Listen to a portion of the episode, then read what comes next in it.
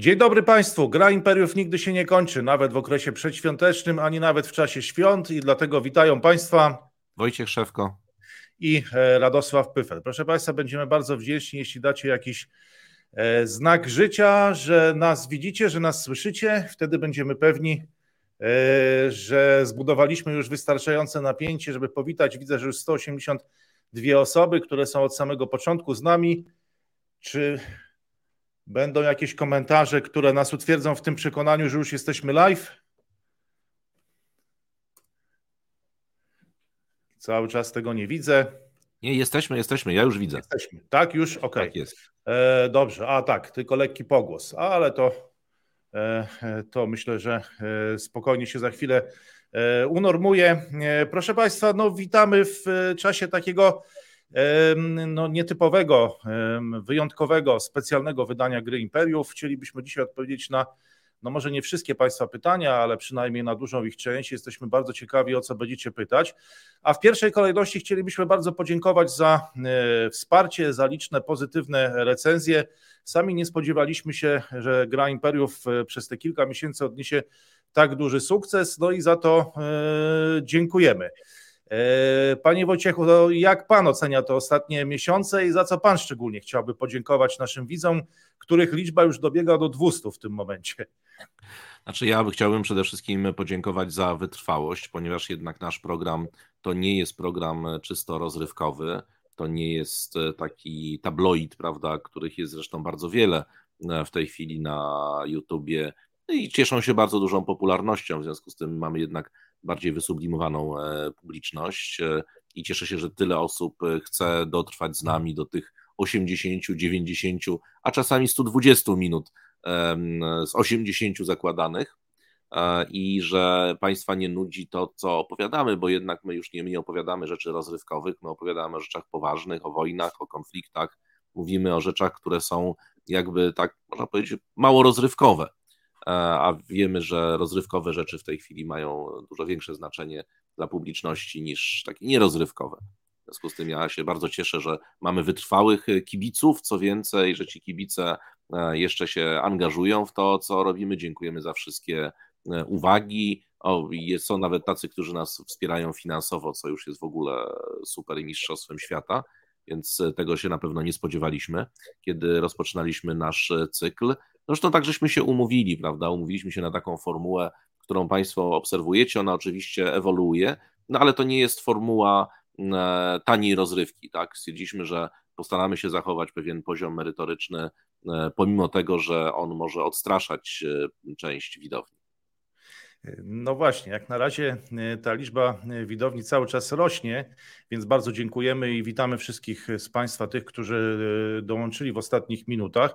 Do tego, co powiedział Wojciech Szewko, no ja właściwie dodałbym tyle, że te ostatnie sześć miesięcy było też ciężką pracą, musieliśmy E, wiele rzeczy poprawiać. Liczyliśmy na to, że szczególnie mówię tu o sobie oczywiście i mam nadzieję, że Państwo dostrzegliście ten progres w ostatnich miesiącach, zarówno progres techniczny, jak i merytoryczny i e, no, bardzo się cieszymy, że ta ambitna jednak formuła, którą zaproponowaliśmy, spotkała się z Państwa, e, z Państwa, z Państwa zainteresowaniem. To jest nam bardzo miło i tego się też nie spodziewaliśmy aż w takim stopniu. I za to bardzo e, dziękujemy. Proszę Państwa, nasze dzisiejsze spotkanie będzie składać się z dwóch części. E, pierwsza to będzie ogłoszenie czegoś e, zupełnie nowego, czegoś zupełnie unikalnego, czegoś, z czego, jak widzimy z komentarzy, Państwo się zupełnie nie spodziewacie. A druga część to będzie interakcja z Państwem i odpowiedzi na pytania. No i teraz mamy to pierwsze pytanie, co takiego zamierzamy ogłosić? Tutaj Państwo już różne kreśliście sensacyjne scenariusze. Niektórzy mówili, że to będzie też e, książka pod tytułem Gra Imperiów. E, no jestem ciekaw, co, e, co Państwo takiego typują, co za chwilę chcielibyśmy, o czym za chwilę chcielibyśmy Państwu powiedzieć. Widzę, że tutaj już pytania o Syrię dotyczące tego, czy Assad jest samodzielnym politykiem. No tak, że ja to proszę Państwa, ja cały czas przeszkadzam i cały czas przerywam e, Wojciechowi Szewko. E, no to, ale to akurat nie jest niespodzianką. To akurat nie jest niespodzianką.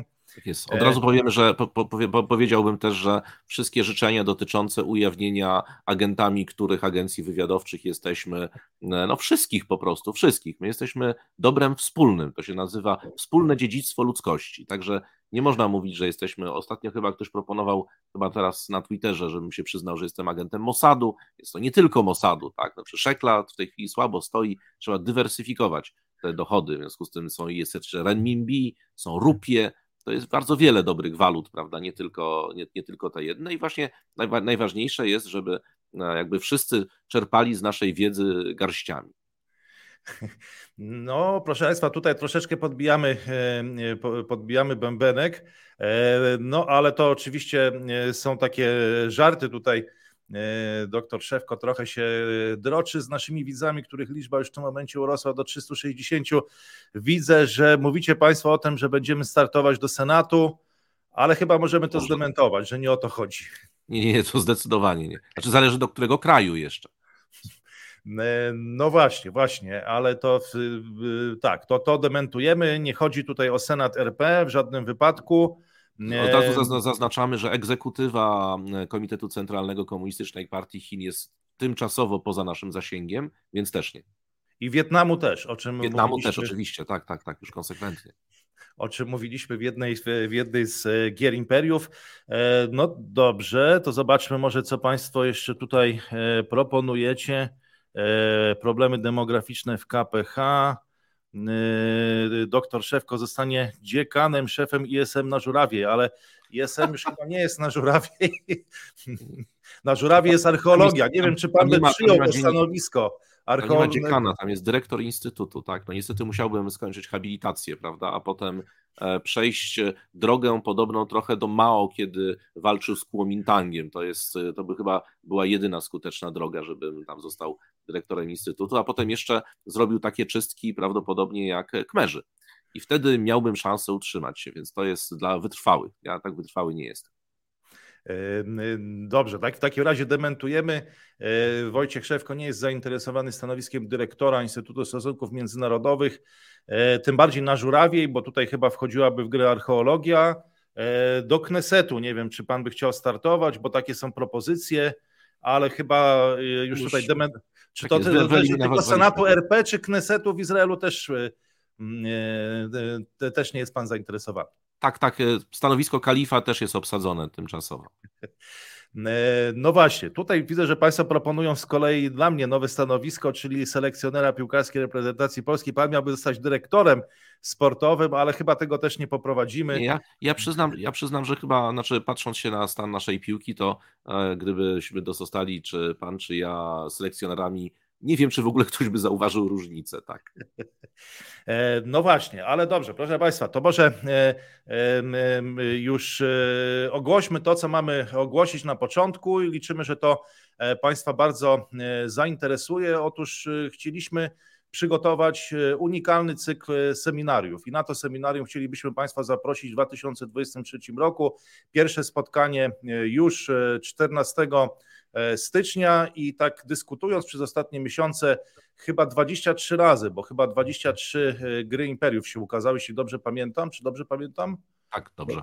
Tak, to jest nasze 24 spotkanie. I e, rozmawiając o tej grze Imperiów, która nigdy się nie kończy, która czasami odziela, a właściwie bardzo często odziela ze złudzeń, chociaż niektórzy z Państwa mówili, że ona roztacza iluzje, E, doszliśmy do wniosku, że żeby dobrze wytłumaczyć, czy żeby dobrze zrozumieć, właściwie żeby dobrze zrozumieć to, co dzisiaj się dzieje, to musimy sięgnąć troszkę głębiej, sięgnąć może nawet nie tyle do XX wieku, albo nawet i wcześniej i wytłumaczyć, czym te imperia się e, kierują, jakie to są idee, jakie koncepcje, co za tym wszystkim e, stoi, jakie społeczeństwa, że tak powiem, również E, no, te idee wytwarzają, które potem skutkują określonymi działaniami na arenie międzynarodowej i dlatego chcieliśmy Państwu zaproponować unikalne seminarium. A ono jest unikalne no, z kilku powodów. Tutaj chciałbym e, oddać głos doktorowi Wojciechowi Szewce, żeby powiedział trochę o tych tematach, e, o tej części merytorycznej, a ja powiem jeszcze Państwu, dlaczego ono jest unikalne z takich powodów organizacyjno-technicznych. Znaczy, chcieliśmy tutaj, czerpiąc trochę z programu dawnych studiów stosunków międzynarodowych, przybliżyć Państwu, tym osobom oczywiście, które są zainteresowane, te państwa, te konflikty, te procesy historyczne i polityczne, które w tej chwili mają ogromny wpływ na rzeczywistość międzynarodową. Ponieważ my komentując codziennie, czy komentując raz na tydzień wydarzenia polityczne, bardzo często odwołujemy się do jakiejś historii, do jakichś prawidłowości, ale tak naprawdę robimy to bardzo pobieżnie. Żeby na przykład zrozumieć e, chociażby konflikt saudyjsko-irański, musielibyśmy opowiedzieć i o Iranie, o historii tego kraju, tak powiedzmy od II wojny światowej, opowiedzieć o tym, e, jak wyglądało obalenie Mossadeka, kto tak naprawdę i dlaczego chce cały czas e, ingerować w sprawy Iranu, abstrahując oczywiście od kwestii rewolucji. Co ta rewolucja tak naprawdę przyniosła? Co Khomeini zbudował e, w Iranie? Czym jest ten wilayat fik, którego tak boi się na przykład Arabia Saudyjska? Sam konflikt saudyjsko, saudyjsko-irański, konflikt saudyjsko-jemeński, historia w ogóle Jemenu, o co chodziło z Jemenem północnym, południowym, kim są owi Huci, prawda? Dlaczego, dlaczego na przykład obie strony posiadają armię Jemenu? Dlaczego, kim był prezydent Saleh, prawda? Kim był prezydent Hadi? E, jak, jak, jak to się stało, że jeden był, został prezydentem wspieranym przez świat, a drugi stał się pariasem, który był ścigany, e, który się był zwalczany przez Husi, potem został obalony, przez, znaczy został przyjęty przez Huti, byli w sojuszu, wreszcie został zabity przez tych Huti. To są, to są rzeczy, które są szalenie ciekawe. E, podobnie zresztą jak ewolucja systemów politycznych poszczególnych państw. W związku z tym podzieliliśmy sobie te całe seminarium na po pierwsze taką część konfliktów, czyli konflikty, które e, tworzą nam e, dynamikę stosunków międzynarodowych i których to, co w tej chwili obserwujemy codziennie, jest to tylko E, jeden z 500 e, już znanych epizodów. Ponieważ tego się praktycznie nie uczy na historii w szkołach albo bardzo pobieżnie.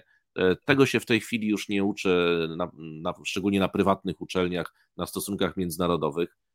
Wiem, bo na kilkunastu uczelniach uczyłem i widziałem, że poziom ich jest często żenujący.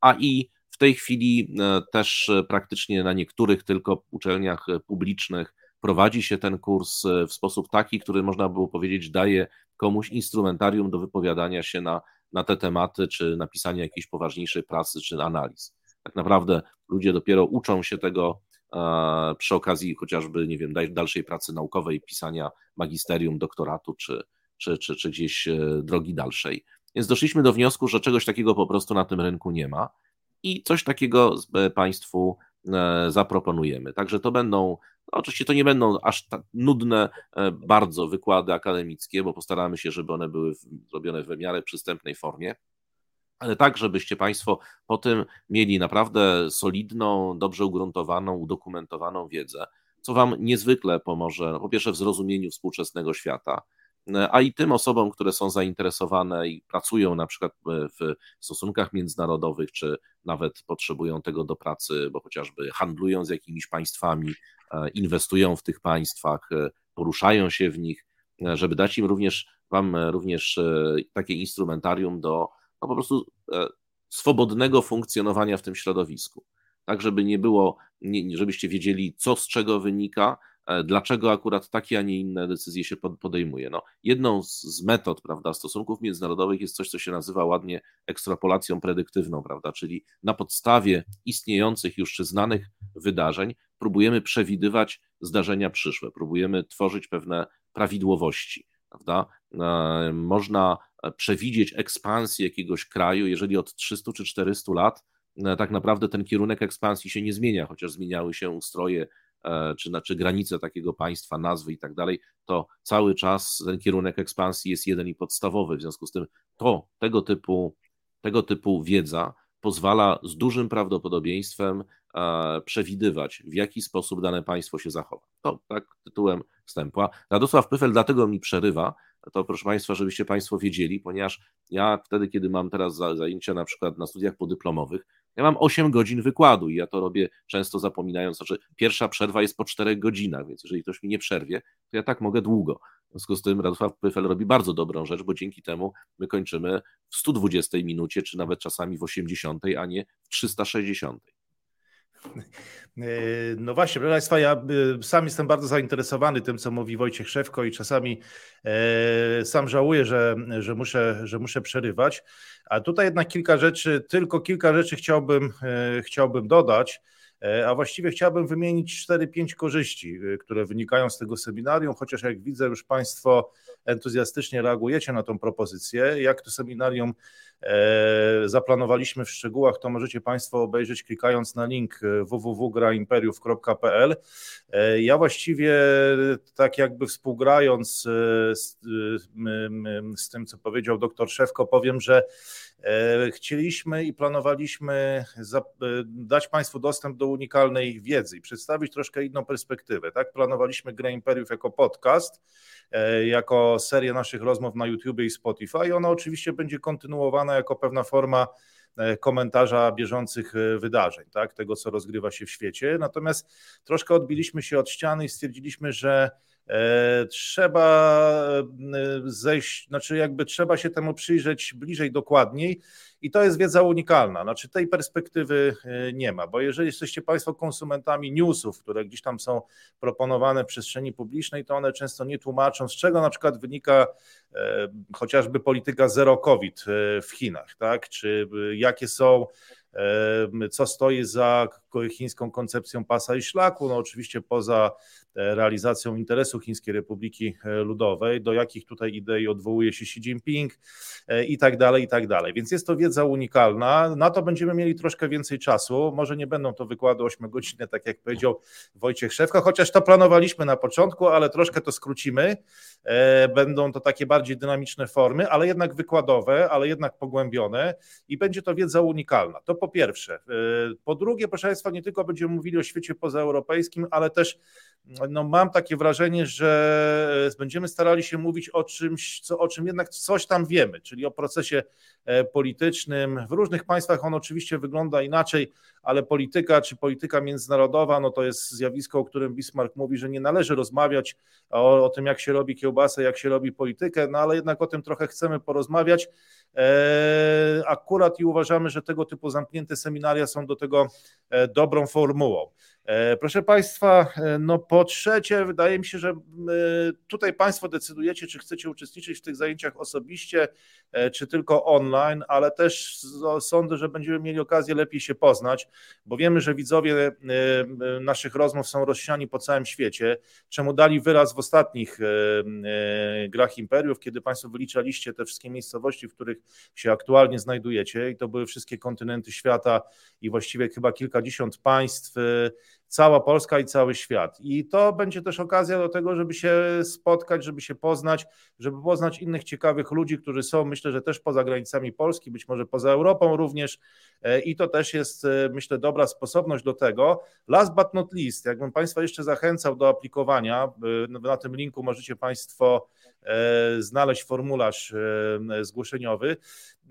Chcieliśmy zapewnić Państwu pełną wygodę, żebyście to Państwo decydowali, co chcecie, jak chcecie, do jakiego momentu, czy chcecie uczestniczyć w zajęciach online, czy chcecie w zajęciach uczestniczyć osobiście, czy może chcecie te zajęcia sobie odsłuchać w dowolnym E, momencie, bo może jest różnica czasu, albo może nie macie czasu w weekend, ale wybieracie się w jakąś długą podróż i chcielibyście coś posłuchać o kryzysie naftowym, o konflikcie palestyńsko-izraelskim, albo o, o krajach ASEAN czy Azji Południowo-Wschodniej. Dlatego pierwsze zajęcia i ostatnie będą zajęciami, kiedy będziemy mogli się spotkać osobiście.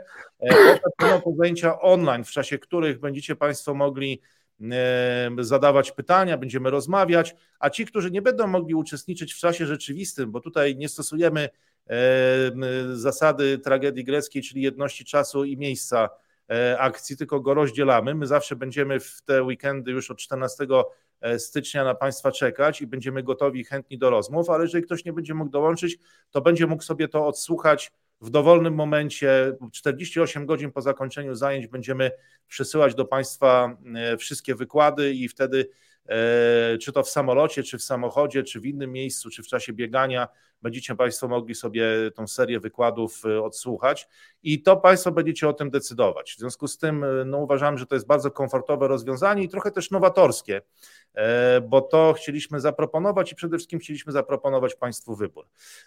I to chyba tyle tytułem wstępu, chyba że chciałby Pan coś jeszcze dodać do tego, kilka słów o tym naszym programie. Znaczy ja tylko jeszcze chciałem powiedzieć, że to nie, nie będą tylko państwa, prawda, i relacje między nimi. No, na przykład warto byłoby, żebyśmy zrobili przynajmniej jeden wykład e, albo dwa wykłady o, na przykład o islamie, żebyście Państwo potrafili odróżnić e, e, Hanbali od Hanafi, od Szafi, od Maliki, prawda, czyli szkoły islamu, żebyście Państwo dobrze potrafili odróżnić, czym się różni sunnita od szyity, prawda, sunna i shia, czy co to jest w ogóle państwo islamskie, czym się na przykład różni koncepcja i państwa, i dżihadu, i w ogóle koncepcja islamu, Talibanu, Al-Kaidy, państwa islamskiego, Al-Shabaab, Boko Haram, e, Al-Kaidy islamskiego, Magrebu i tak dalej. Tak, żeby się e, można było wtedy, ktoś później sobie e, będzie słuchał wiadomości, pamiętajmy, że dziennikarze, kiedyś trzeba było, żeby mieć jakieś studia skończone, żeby być dziennikarzem, w tej chwili niekoniecznie. W związku z tym to, co Państwo otrzymujecie, są to często informacje delikatnie mówiąc uproszczone. No, już nie będę się znęcał i cytował obszernych fragmentów, e, takich, które no, kompromitują po prostu duże nawet redakcje, a czasami nawet agencje. One się później z tego wycofują. Więc chodzi o to, żebyście Państwo po prostu dostali takie instrumentarium również do rozumienia rzeczywistości. E, I właśnie również e, to się zawsze przydaje, prawda? To, to jest wiedza, której się, która, to znaczy Państwo pamiętacie, prawda, na pewno Mickiewiczowskie, prawda, płomień rozgryzie malowane dzieje, skarby mieczowi czy krzyżowi spustoszą złodzieje, pieśń ujdzie cało, prawda. No to, co Państwo zapamiętacie i będziecie mieli w głowach, tego Wam po prostu nikt nie odbierze. E, no właśnie, tym optymistycznym akcentem chcielibyśmy chyba zakończyć tą pierwszą część. Ja tylko sprostuję, że e, te wykłady, zajęcia, czy zapis ich, zapis w formie audio, to podkreślam w formie audio, e, wraz ze wszystkimi niezbędnymi materiałami, czy to mapami, czy obrazami, czy też innymi materiałami wizualnymi, będzie udostępniany 48 godzin po zakończeniu zajęć, a nie na 48 godzin. E, dostęp do tego będziecie mieli Państwo do samego końca e, zajęć, które potrwają kilka, kilka, kilkanaście tygodni, ale w ciągu tak naprawdę 48 godzin udostępnimy Wam nagrania audio. Nie na 48 godzin, ale 48 godzin e, po zajęciach. No cóż, proszę Państwa, myślę, że to jest, to jest moment, w którym przejdziemy już do, do QA, czyli tych, tej klasycznej formuły YouTube'owej, e, zadawania pytań i odpowiedzi e, na nie i w takim razie zachęcamy Państwa do dwóch rzeczy, do dzielenia się z nami od kiedy oglądacie grę Imperiów, kiedy się przyłączyliście i w jakich mieszkacie krajach, gdzie, gdzie Was zastaliśmy dzisiaj oraz no po prostu pytania, które Państwo kierujecie do nas. Tutaj widziałem, że Dorzar 72 Dziękuję panom za ten program. Pozdrawiam z Marsylii. Może o Jemenie wykład, bądź e, może o Libii. To też są ciekawe państwa, które. Będziemy mieli. Tak. tak, to będzie. To możecie Państwo zobaczyć na stronie. Czy te serie będą cykliczne? To znaczy, jeśli nie mogę dołączyć od stycznia, to będzie szansa na przykład w 2024 roku zapisać się na podobny cykl. No. W 2024 nie wiadomo, co będzie, tak? Być może z emigracji, tak? Będziemy, tak, ale na emigracji też będziemy mieli internet, tak? E, no właśnie, znaczy w ogóle na razie to jeszcze musi się odbyć pierwsza edycja. No tu liczymy na Państwa wsparcie i na Państwa akces, e, bo jeżeli nie odbędzie się pierwsza edycja, to e, no to, no to może zna, będzie to być może oznaczać, że nie, nie ma potrzeby takiego, takiego programu czy takiej serii seminariów. No ale z tego co widzę, to raczej chyba się 14 stycznia i później spotkamy, a jeżeli tak będzie, no to, to postaramy się, żeby były i kolejne edycje. Dobrze, zobaczmy, co tam jeszcze mamy.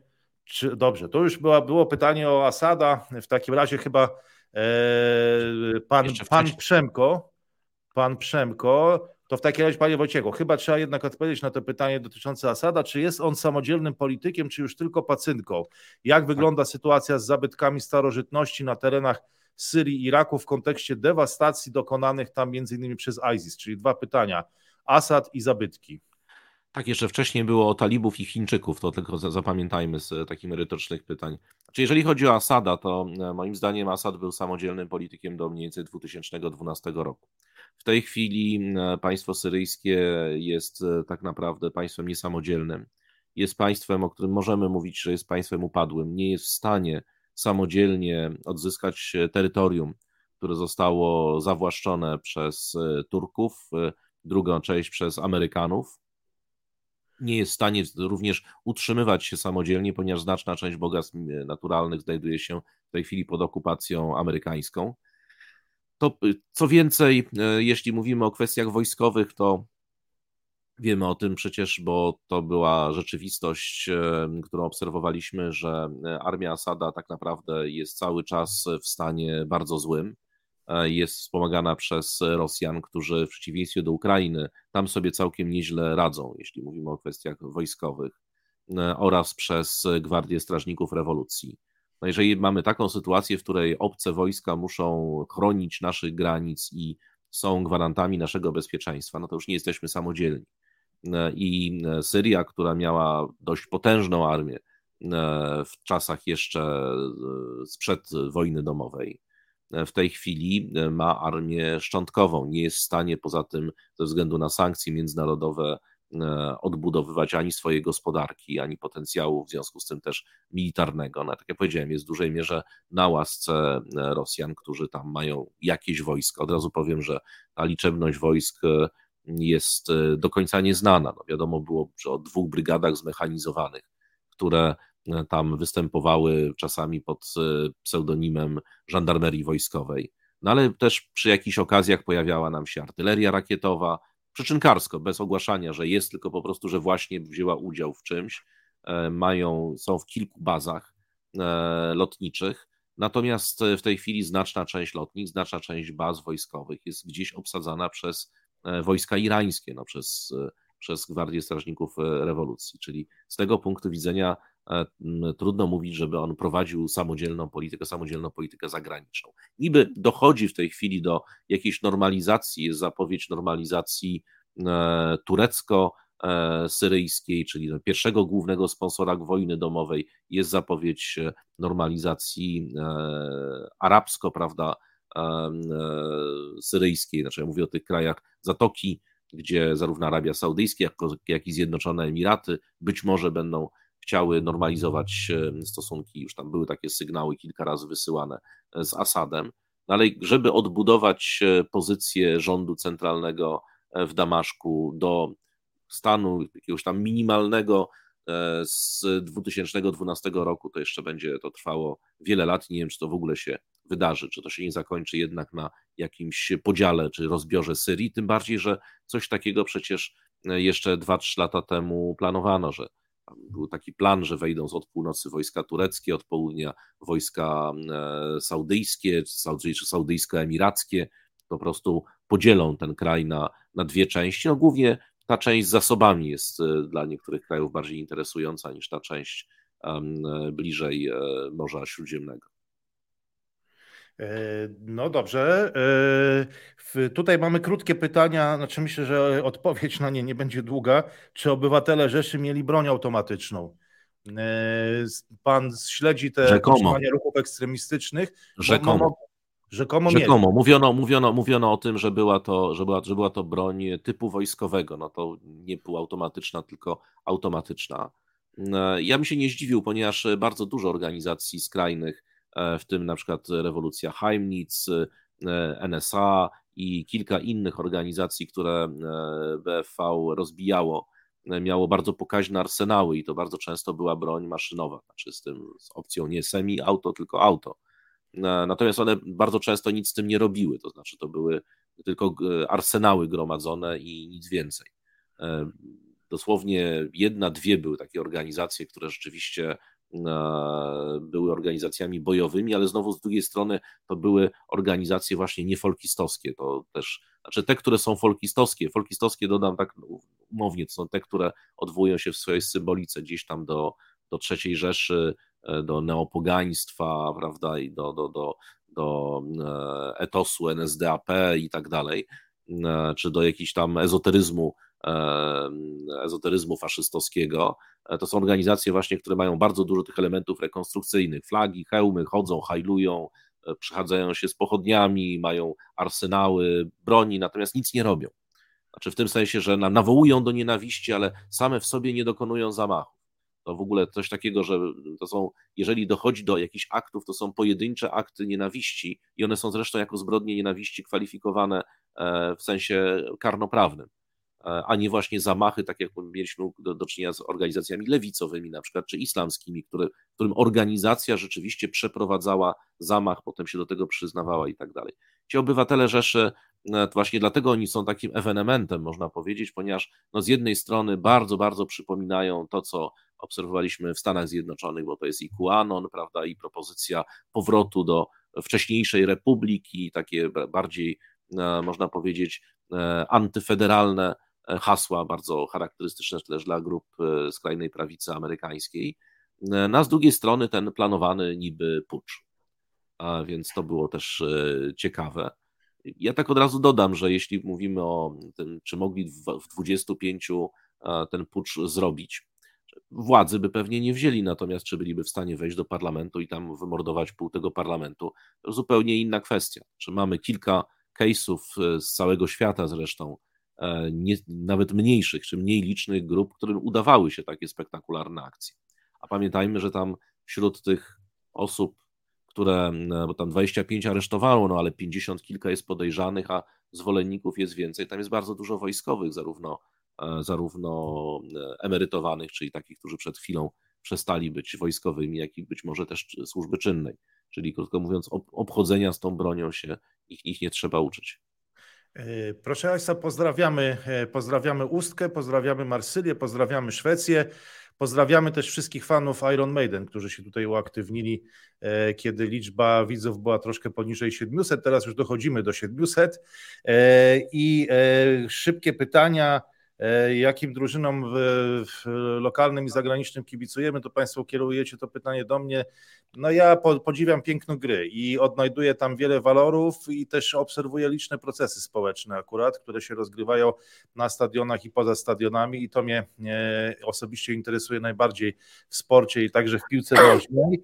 E, jedwabny szlak do Europy, e, czy wojna na Ukrainie jest próbą zablokowania tego szlaku, czy przejęcia kontroli przez Stany Zjednoczone? Myślę, że nie, że tu chodzi o coś innego, dlatego że kluczem tak naprawdę, jeśli chodzi o transporty E, z Pacyfiku do Europy jest Białoruś i Niemcy, te dwa kraje, tak mi się wydaje. No oczywiście Polska też tu jest bardzo krajem istotnym, ale dopóki zdestabilizowana czy objęta działaniami wojennymi nie jest Białoruś, to ten szlak może jakoś funkcjonować, chociaż no zalicza on pewne spadki w ostatnich miesiącach, to było kilkanaście do 20%, jeśli chodzi o, o przewozy, ale, ale nie przestaje funkcjonować. Pytanie, E, o ewentualny rozpad Rosji. E, czy pan, panie Wojciechu, uważa taki scenariusz za prawdopodobny?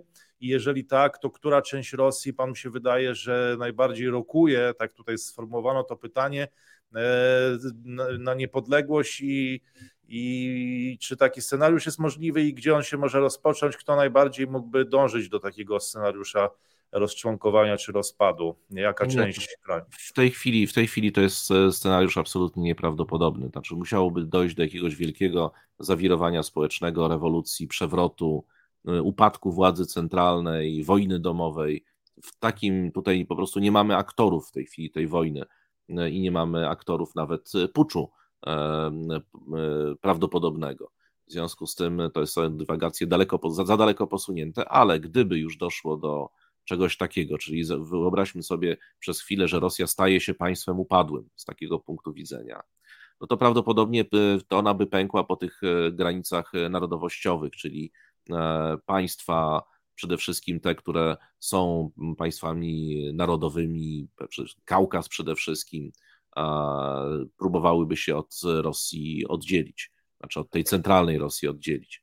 Natomiast czy jeszcze by doszło na jakiegoś rozpadu na część wschodnią, zachodnią, prawda, oddzielenia się Syberii, to już ta, takich scenariuszy, znaczy nie ma tam w, ta, w każdym razie ruchów separatystycznych, które by w tej chwili w ogóle o czymś takim mówiło. O ile gdzieś w Czeczenia, prawda, Dagestan, Kabardyno-Bałkaria, to byłbym skłonny uwierzyć, że to są, że to są takie, takie republiki czy takie, takie regiony w Rosji, które mogłyby próbować wybijać się na niepodległość, odłączać się po prostu od Rosji ogarniętej chaosem. Natomiast, natomiast w innych rejonach takich tendencji przynajmniej w tej chwili nie ma.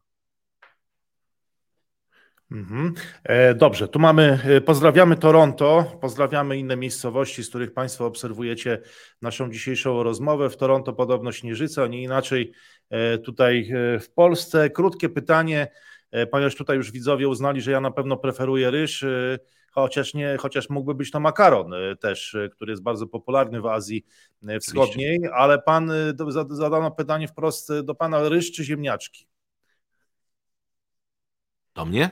Tak, ryż czy ziemniaczki, co pan preferuje? Czy, czy tutaj rozgranicza pan, czy to jest albo, albo, czy może lubi pan jedno i drugie, a może jeszcze coś innego? Żadne, jestem na diecie. E, to ja powiem, że lubię jedno i drugie, a także lubię makaron, czy, e, czy kluski, czy potrawy mączne, zwłaszcza w północnych krajach. E, ale tu kolejne pytanie na które Pan jako osoba zajmująca się ruchami ekstremistycznymi pewnie miałaby sporo do powiedzenia. Czy ten pucz to jest poważna sprawa? Czy to nie jest coś, co ma służyć troszkę do odwrócenia uwagi opinii publicznej, spowodowania, żeby opinia publiczna też się czymś zajęła poza mundialem e, i że to nie jest tak do końca poważna sprawa? Myśmy o tym rozmawiali w ostatniej grze Imperiów i tam Pan twierdził, że mm, no to jednak jest dosyć poważna sprawa z tym Heinrichem 13 i z tą całą e, ekipą, która została zatrzymana. Znaczy tak, e, gdyby to było w jakimś innym kraju, to bym powiedział, że to jest absolutnie niepoważne, e, bo takie, chociaż są takie pucze, które obserwujemy w tej chwili, które są dokonywane przez grupy 10-11 osobowe, do których się później reszta, reszta dołącza, tak jak na przykład w te pucze w Burkina Faso, gdzie to robią naprawdę niewielkie oddziały militarne, które potem oczywiście przyłączają kolejne.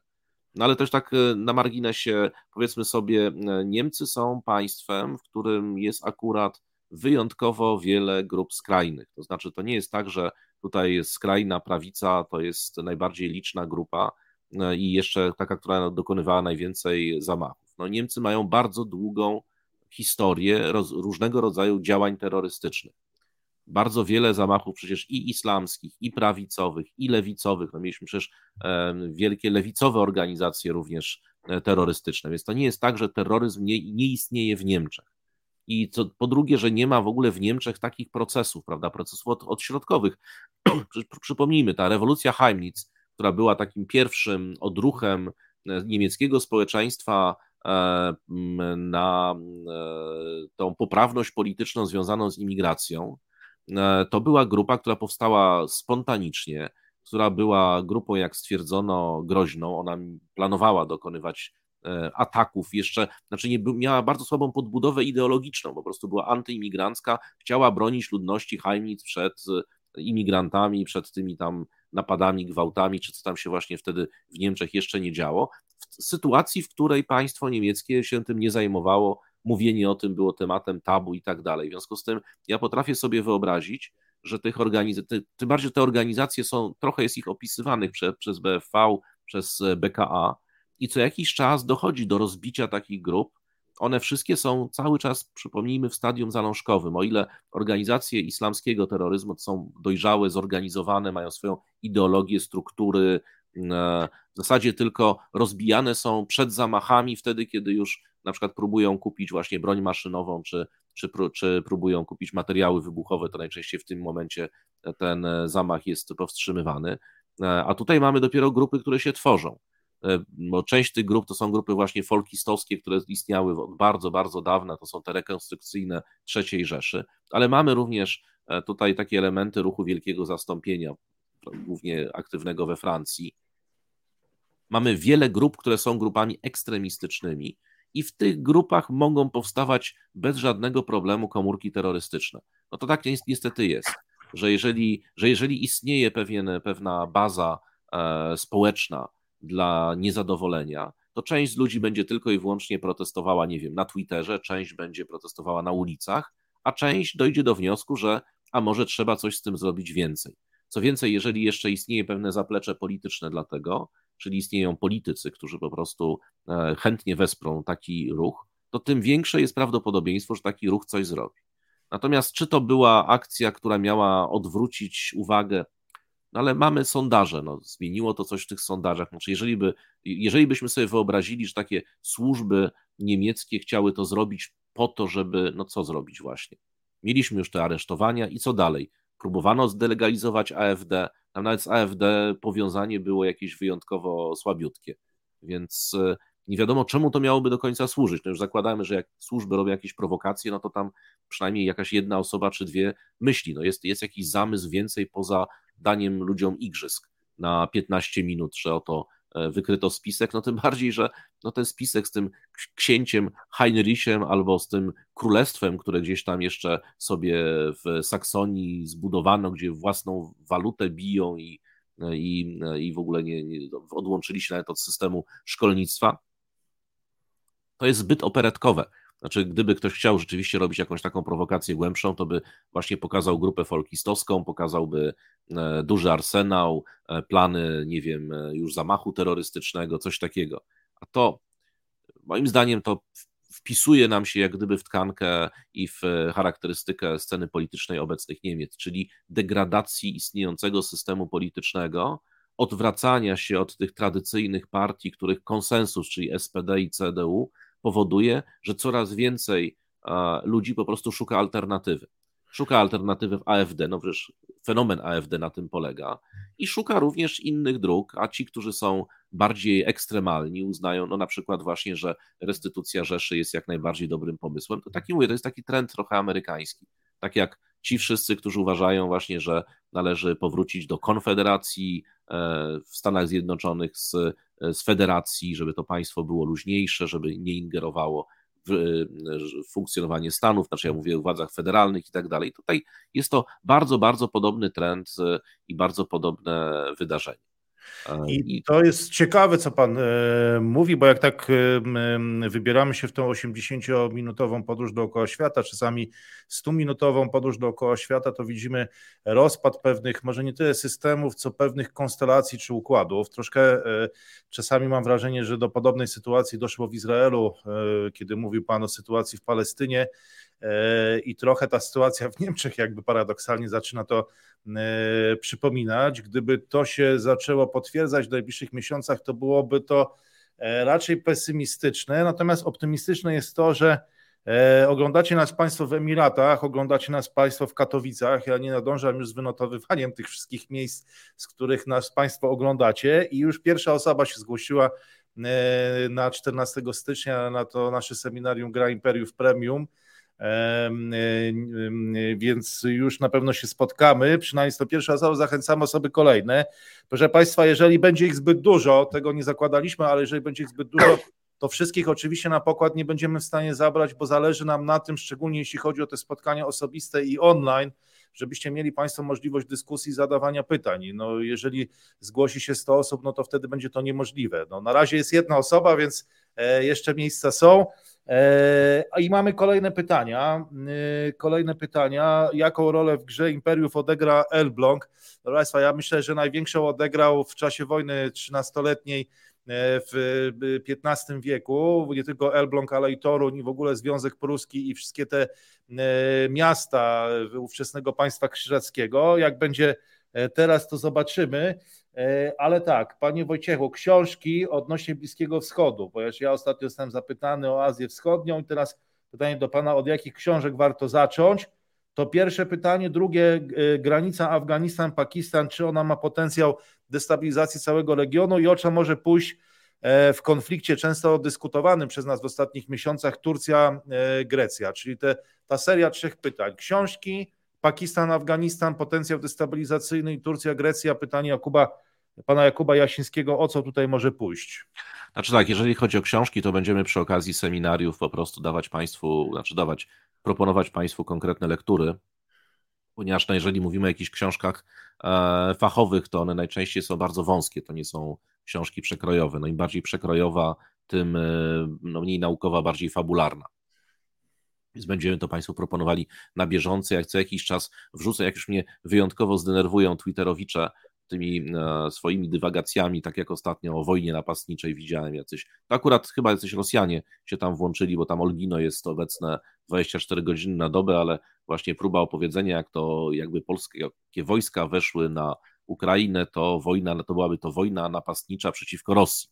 Więc, e, więc co jakiś czas będę wrzucał e, jakieś takie artykuły, a najlepiej artykuły z jakichś e, czasopism naukowych, to są artykuły naukowe, recenzowane, prawda, punktowane wysoko, także one są bardzo no, z wielko, wielkim ładunkiem merytorycznym na temat różnych państw i różnych procesów. Same lektury dotyczące Palestyny, gdybyśmy wrzucili, to same same dokumenty formalno-prawne to jest e, kilkadziesiąt sztuk, że trzeba je byłoby przeczytać, już nie mówiąc o jakichś takich przekrojowych, przekrojowych dokumentach pokazujących e, samą historię konfliktu, konfliktu i zresztą będziemy o tym właśnie mówili na seminarium, więc tak już, żeby e, zbyt wiele nie opowiadać. Natomiast było pytanie również, jak rozumiem, Afganistan i Pakistan, prawda? Dzisiaj mamy kolejną wymianę ognia na granicy, w, to jest w Szaman, czyli to jest na południu, tam mniej więcej na wysokości, tak jakbyśmy sobie jechali w, na mapie w kierunku Kety, e, czyli Beludżystanu. To jest przejście graniczne, które było zamknięte na, e, przez Pakistan, potem Afgańczycy wyprosili, żeby je otwarto. Jak otwarto, to mieliśmy najpierw kilka dni temu ostrzał ze strony afgańskiej przy pomocy również artylerii, e, moździerzy, ciężkiej broni maszynowej. Dzisiaj mieliśmy znowu incydent polegający na tym, że ponieważ Afgańczycy, znaczy talibowie, nie uznają e, linii Duranda, nie uznają granicy aktualnej, w związku z tym próbowali zbudować sobie posterunek już po stronie e, granicy pakistańskiej. No, Pakistańczycy otworzyli ogień, tam ci odpowiedzieli, e, te starcia chyba w tej chwili wygasły, ale jeszcze nie ma informacji o ofiarach. Niestety w tej chwili to jest tak, że te informacje, szczególnie z takich miejsc, dochodzą po, po jakimś czasie, to znaczy najpierw świadkowie mówiąc, co, co widzą, a potem dopiero mamy jakieś dane po godzinie, dwóch ze szpitali i tak naprawdę to one są w miarę obiektywne. Ale faktem jest, że w tej chwili sytuacja na granicy pakistańsko-afgańskiej jest bardzo zła. To znaczy, z jednej strony e, sytuacja jest chyba najgorsza od wczesnych lat dwutysięcznych i od czasu, kiedy w ogóle powstały, powstał Taliban i później e, Tarika, Tarika Taliban Pakistan. E, ponieważ e, e, ja już nawet przestałem podawać, ponieważ codziennie ginie w kilku do kilkunastu zamachach, kilku do kilkudziesięciu nawet żołnierzy pakistańskich, cywilów, funkcjonariuszy Frontier Corps, czy ewentualnie funkcjonariuszy, którzy jeżdżą szczepić na, przeciwko Hajne Medina, bo to tam antyszczepionkowcy to są talibowie, oni po prostu strzelają do tych, którzy, którzy mają szczepić dzieci. I to się dzieje w Waziristanie, w północnym, południowym, Wana, samym było kilka zamachów, czyli generalnie w tym, co się określano jako, no, jako fata, prawda, czyli te terytoria administrowane plemiennie.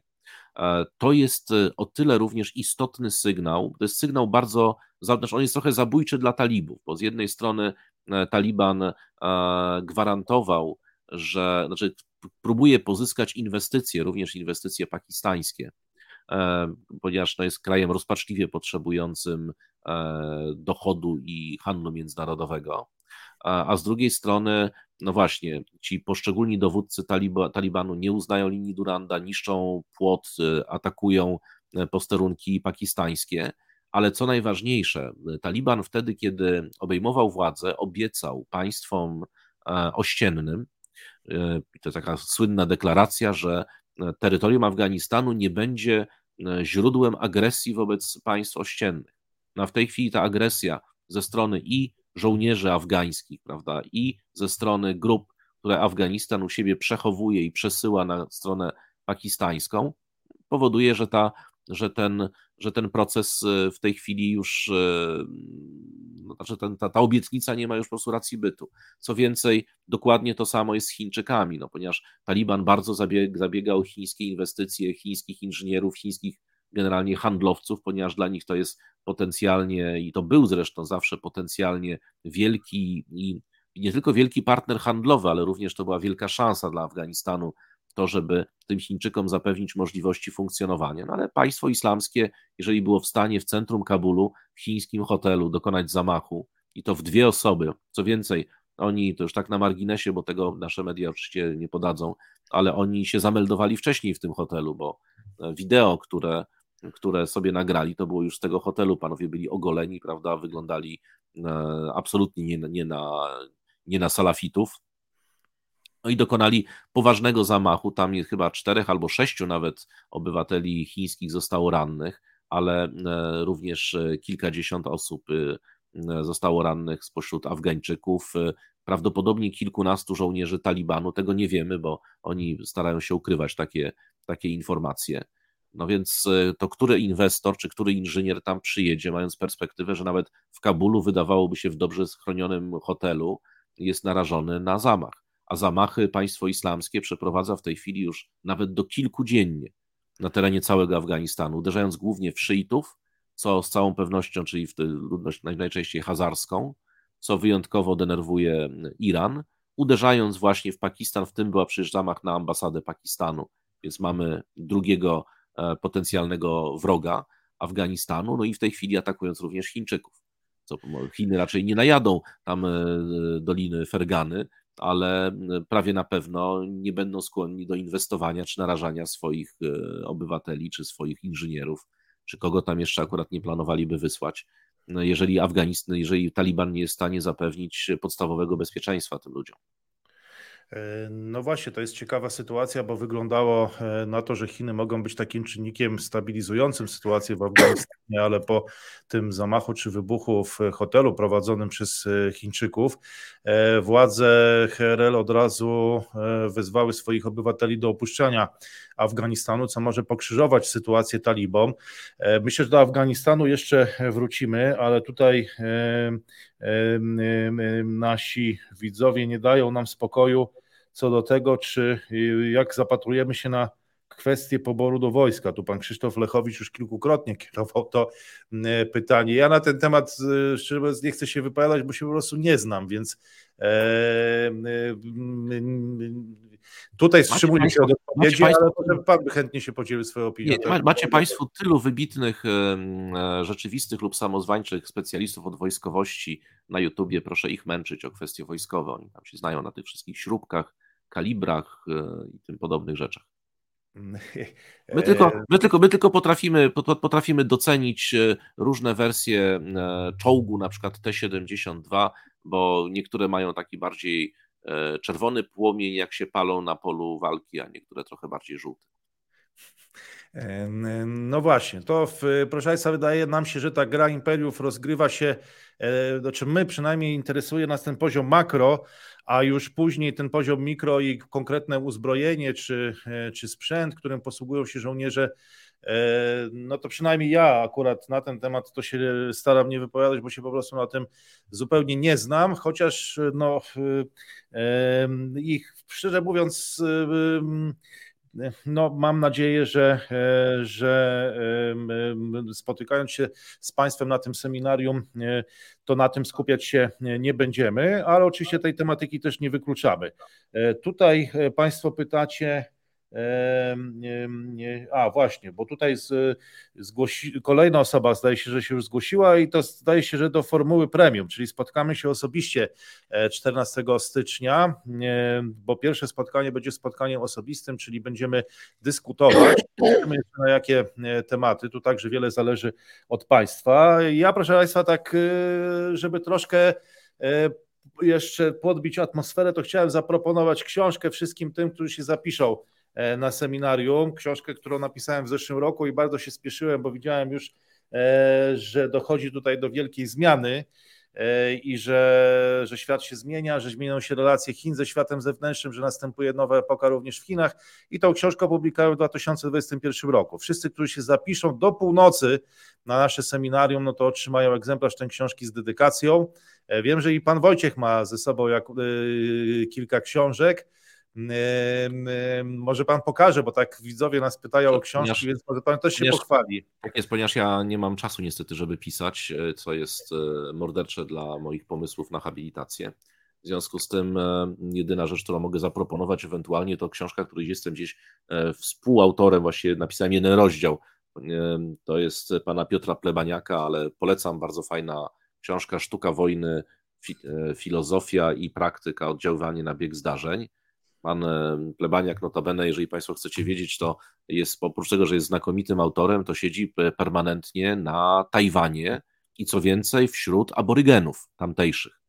I rzeczywiście. Ostatnio robi... jeden z nich zginął na Tajwanie. Znaczy, nie wiem, czy ten, z których znał akurat doktor Plebaniak, ale, ale no ale rzeczywiście, ale rzeczywiście on tam rzeczywiście zbiera herbatę, jest na tych wszystkich festiwalach, w takich miejscach, gdzie tam białego człowieka to prawdopodobnie nigdy nie widziano. I rzeczywiście, e, znaczy ja co, co jakiś czas wysyła mi oprócz tego, że wpisze kolejne książki, to wysyła również zdjęcia przepiękne, takie wszystkie się nadają na okładkę National Geographic, co tego nie ma wątpliwości, także ja polecam, ponieważ e, on miał niestety straszliwe problemy z wydawcami, z tego co pamiętam, więc te książki się pojawiały, znikały e, sklep, ze sklepów, ale wiem, że też były na liście bestsellerów, ponieważ naprawdę bardzo fajnie pisze. E, no i właśnie jest zafascynowany też, też, też Azją, także Także tutaj w tych samych klimatach, także to będzie pasowało w każdym razie do, do naszej problematyki. Mój rozdział jest skromny i jest o e, terroryzmie zresztą, z takiej klasycznej teorii terroryzmu, więc może kogoś to też zainteresuje. Tak, na Tajwanie są aborygeni, właśnie w, w, to jest ludność, która tam e, właściwie była od tysięcy lat, y, zanim nie pojawili się tam Europejczycy i dopiero po Europejczykach e, pojawili się Chińczycy. Ale to o tym być może też będziemy mieli okazję porozmawiać, mówiąc o historii e, Tajwanu i na pewno odwołam się także do tej książki, bo ona nawiązuje do sztuki wojny antycznego chińskiego generała Sundzy, który mówi o tym, jak być skutecznym nie tylko na polu bitwy, ale w ogóle we wszelkim działaniu. No to jest klasyka myśli chińskiej i bardzo dużo można się z tej książki dowiedzieć, jeżeli chcemy rozumieć współczesną Azję Wschodnią, już nawet nie tyle Chiny, ale także inne kraje azjatyckie, więc książka godna polecenia. Ja jeszcze raz oferuję egzemplarz książki z autografem wszystkim tym, którzy do dzisiaj do północy, niezależnie od tego, czy będzie to premium, czy online, y, formuła premium, czy online, zapiszą się na nasze seminarium, także proszę Państwa serdecznie zapraszamy. E, no a teraz wracamy na e, Bliski Wschód. E, pan Marcin Gabrielski i pan Kamil Naruk zadali nam pytania. Czy będziemy mieli do czynienia z odwróceniem sojuszy, że teraz Arabia Saudyjska będzie z Chinami, a Iran z Zachodem. E, ja tylko może zanim zadam jeszcze drugie pytanie, to powiem krótko, że Państwa, mamy jakąś no, niesamowitą chęć w Polsce do układania tych sojuszy, podczas gdy polityka międzynarodowa, takie mam przynajmniej ja wrażenie, nie wiem czy doktor Wojciech Szewko się ze mną zgodzi, ale jest taką grą raczej dynamiczną. E, natomiast my cały czas chcemy tu składać te klocki i tworzyć jakieś wielkie bloki. E, do, więc e, ja byłbym sceptyczny co do tego, że tu po prostu powstają jakieś bloki, że teraz Arabia z Chinami, a Iran z Zachodem.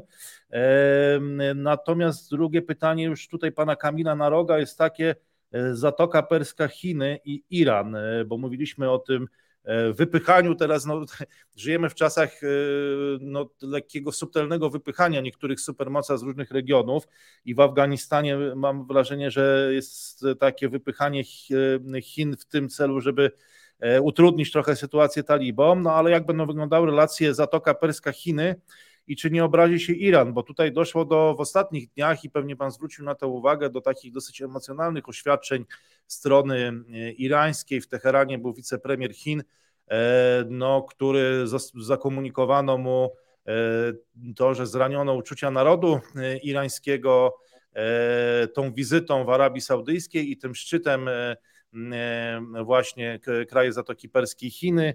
E, jak ten trójkąt będzie się tutaj rozgrywał? Chiny, Arabia, Chiny, kraje Zatoki Perskiej i Iran, bo wygląda na to, że Iran no, nie jest tutaj jakoś specjalnie ukontentowany e, i coś jest pewnie pomiędzy jakimiś blokami, które się tam utworzą i całkowitą, całkowitym zerwaniem relacji. Jak pan teraz wyczuwa tą dynamikę gry w regionie między Chinami a poszczególnymi właśnie aktorami takimi jak Arabia, kraje Zatoki i Iran? Znaczy, jeśli mówimy już o emocjonalnych języku, no to Irańczycy, zresztą w ogóle Bliski Wschód słynie z tego, tam nie ma, e, tam, tam rzadko zdarzają się stonowane wypowiedzi, e, a już szczególnie właśnie takich krajów. E, to jest pierwsza sprawa. Druga sprawa, jeśli mówimy o jakichś blokach, to nie jest do końca tak. To znaczy, z jednej strony obserwujemy rzeczywiście zbliżenie, no chociażby chińsko-saudyjskie, ponieważ państwa w tej chwili świata, liczne państwa świata, które nie do końca chcą podążać amerykańską drogą polityczną, tak? bo to nie jest kwestia gospodarki, tylko najczęściej kwestia polityki, które chcą się w jakiś sposób e, uniezależnić w swoich decyzjach od widzimisię Stanów Zjednoczonych. Czasami to widzimisię oznacza, że e, przystąpcie do naszych sankcji, tak? obniżcie cenę ropy naftowej, e, nie sprzedawajcie komuś, bo akurat go nie lubimy. Tak? Więc państwa te się ponieważ one same gdzieś tam w perspektywie mogą być lub nawet są w tej chwili przedmiotem e, e, jakichś sankcji amerykańskich i to pewnie nie jedynych, te państwa zaczynają szukać e, alternatyw, szukać alternatywnych źródeł dostaw, na przykład nowoczesnych technologii, broni, z drugiej strony kapitału, który jest nieuwarunkowany politycznie. Więc to jest taki naturalny sposób ta, ta ten konflikt, szczególnie wschodnio-zachodni, który nam w tej chwili rozgorzał, on w naturalny sposób powoduje, że państwa, te, które nie do końca chcą się wpisywać w ten konflikt, e, uznając, że to jest nie ich konflikt, krótko mówiąc, zaczynają ciążyć ku sobie. Ale od tego miejsca do zawarcia jakiegoś formalnego sojuszu, a jeszcze nawet od formalnego do faktycznego sojuszu, bo papier, prawda, jest cierpliwy, wszystko wytrzyma, to jest naprawdę bardzo długa droga. Czyli co więcej, ty już wiemy już o tym chyba po, zresztą na tych, semin, na tych naszych spotkaniach staramy się to pokazać, że e, bycie przyjacielem w jednej sprawie może oznaczać, że się jest również wrogiem drugiej. No to już Turcja, prawda, jest takim mistrzem tego, szczególnie relacje, nie wiem, turecko-rosyjskie, gdzie z jednej strony z jednej strony oba państwa dzielą tutaj sobie skórę na, przykład na Libii, a z drugiej strony rywalizują, z drugiej strony są gotowe tam do siebie strzelać, z trzeciej są gotowe budować sobie jakieś huby, pomagać, handlować, e, e, czy tak jak Turcja, prawda, unikać sankcji, e, których no, wszystkie państwa zachodnie do tych sankcji przystąpiły, więc ta polityka nie jest, nie jest czarno-biała i nie jest tak jednowymiarowa, do jakiej my żeśmy się przyzwyczaili w e, Europie, a właściwie przyzwyczaili w Polsce, już żeby powiedzieć konkretnie. My jesteśmy przekonani, że jak już jesteśmy, jak ktoś jest naszym sojusznikiem, to jest sojusznikiem na śmierć i życie. A on jest po prostu sojusznikiem w tej sprawie, w danym momencie. Nie jest powiedziane, że za 15 minut nie będzie e, sojusznikiem kogoś innego. E, no właśnie, to jest chyba dobry moment do tego, żeby. Ale ja jeszcze mam jeszcze jedną rzecz, bo widzę to jedno pytanie, które się przewija, my tak je pomijamy. E, będziemy mówili o Palestynie na pewno bardzo dokładnie na tych naszych seminariach. Jeśli mówimy o tym, co w tej chwili zrobił Xi, prawda, czyli ta jego bardzo, bo tam było pytanie o Chiny, a Palestyna. Xi rzeczywiście wypowiedział się bardzo jednoznacznie. Co prawda to nie jest jedyne takie chińskie oświadczenie, bo Chiny zdaje się nie zmieniły swojego stanowiska, no ale wygłoszone w tym momencie i w tym czasie moim zdaniem dla Palestyny, znaczy Palestynie wiele nie zrobią, znaczy w tym sensie, że Tutaj nie będzie nagle jakiejś odsieczy chińskiej dla Al-Quds, e, ale jest to prawdopodobnie element takiej polemiki ze Stanami Zjednoczonymi. No to wy, wy nam wypominacie Tajwan, to wy, my wam będziemy przypominali o Palestynie. No?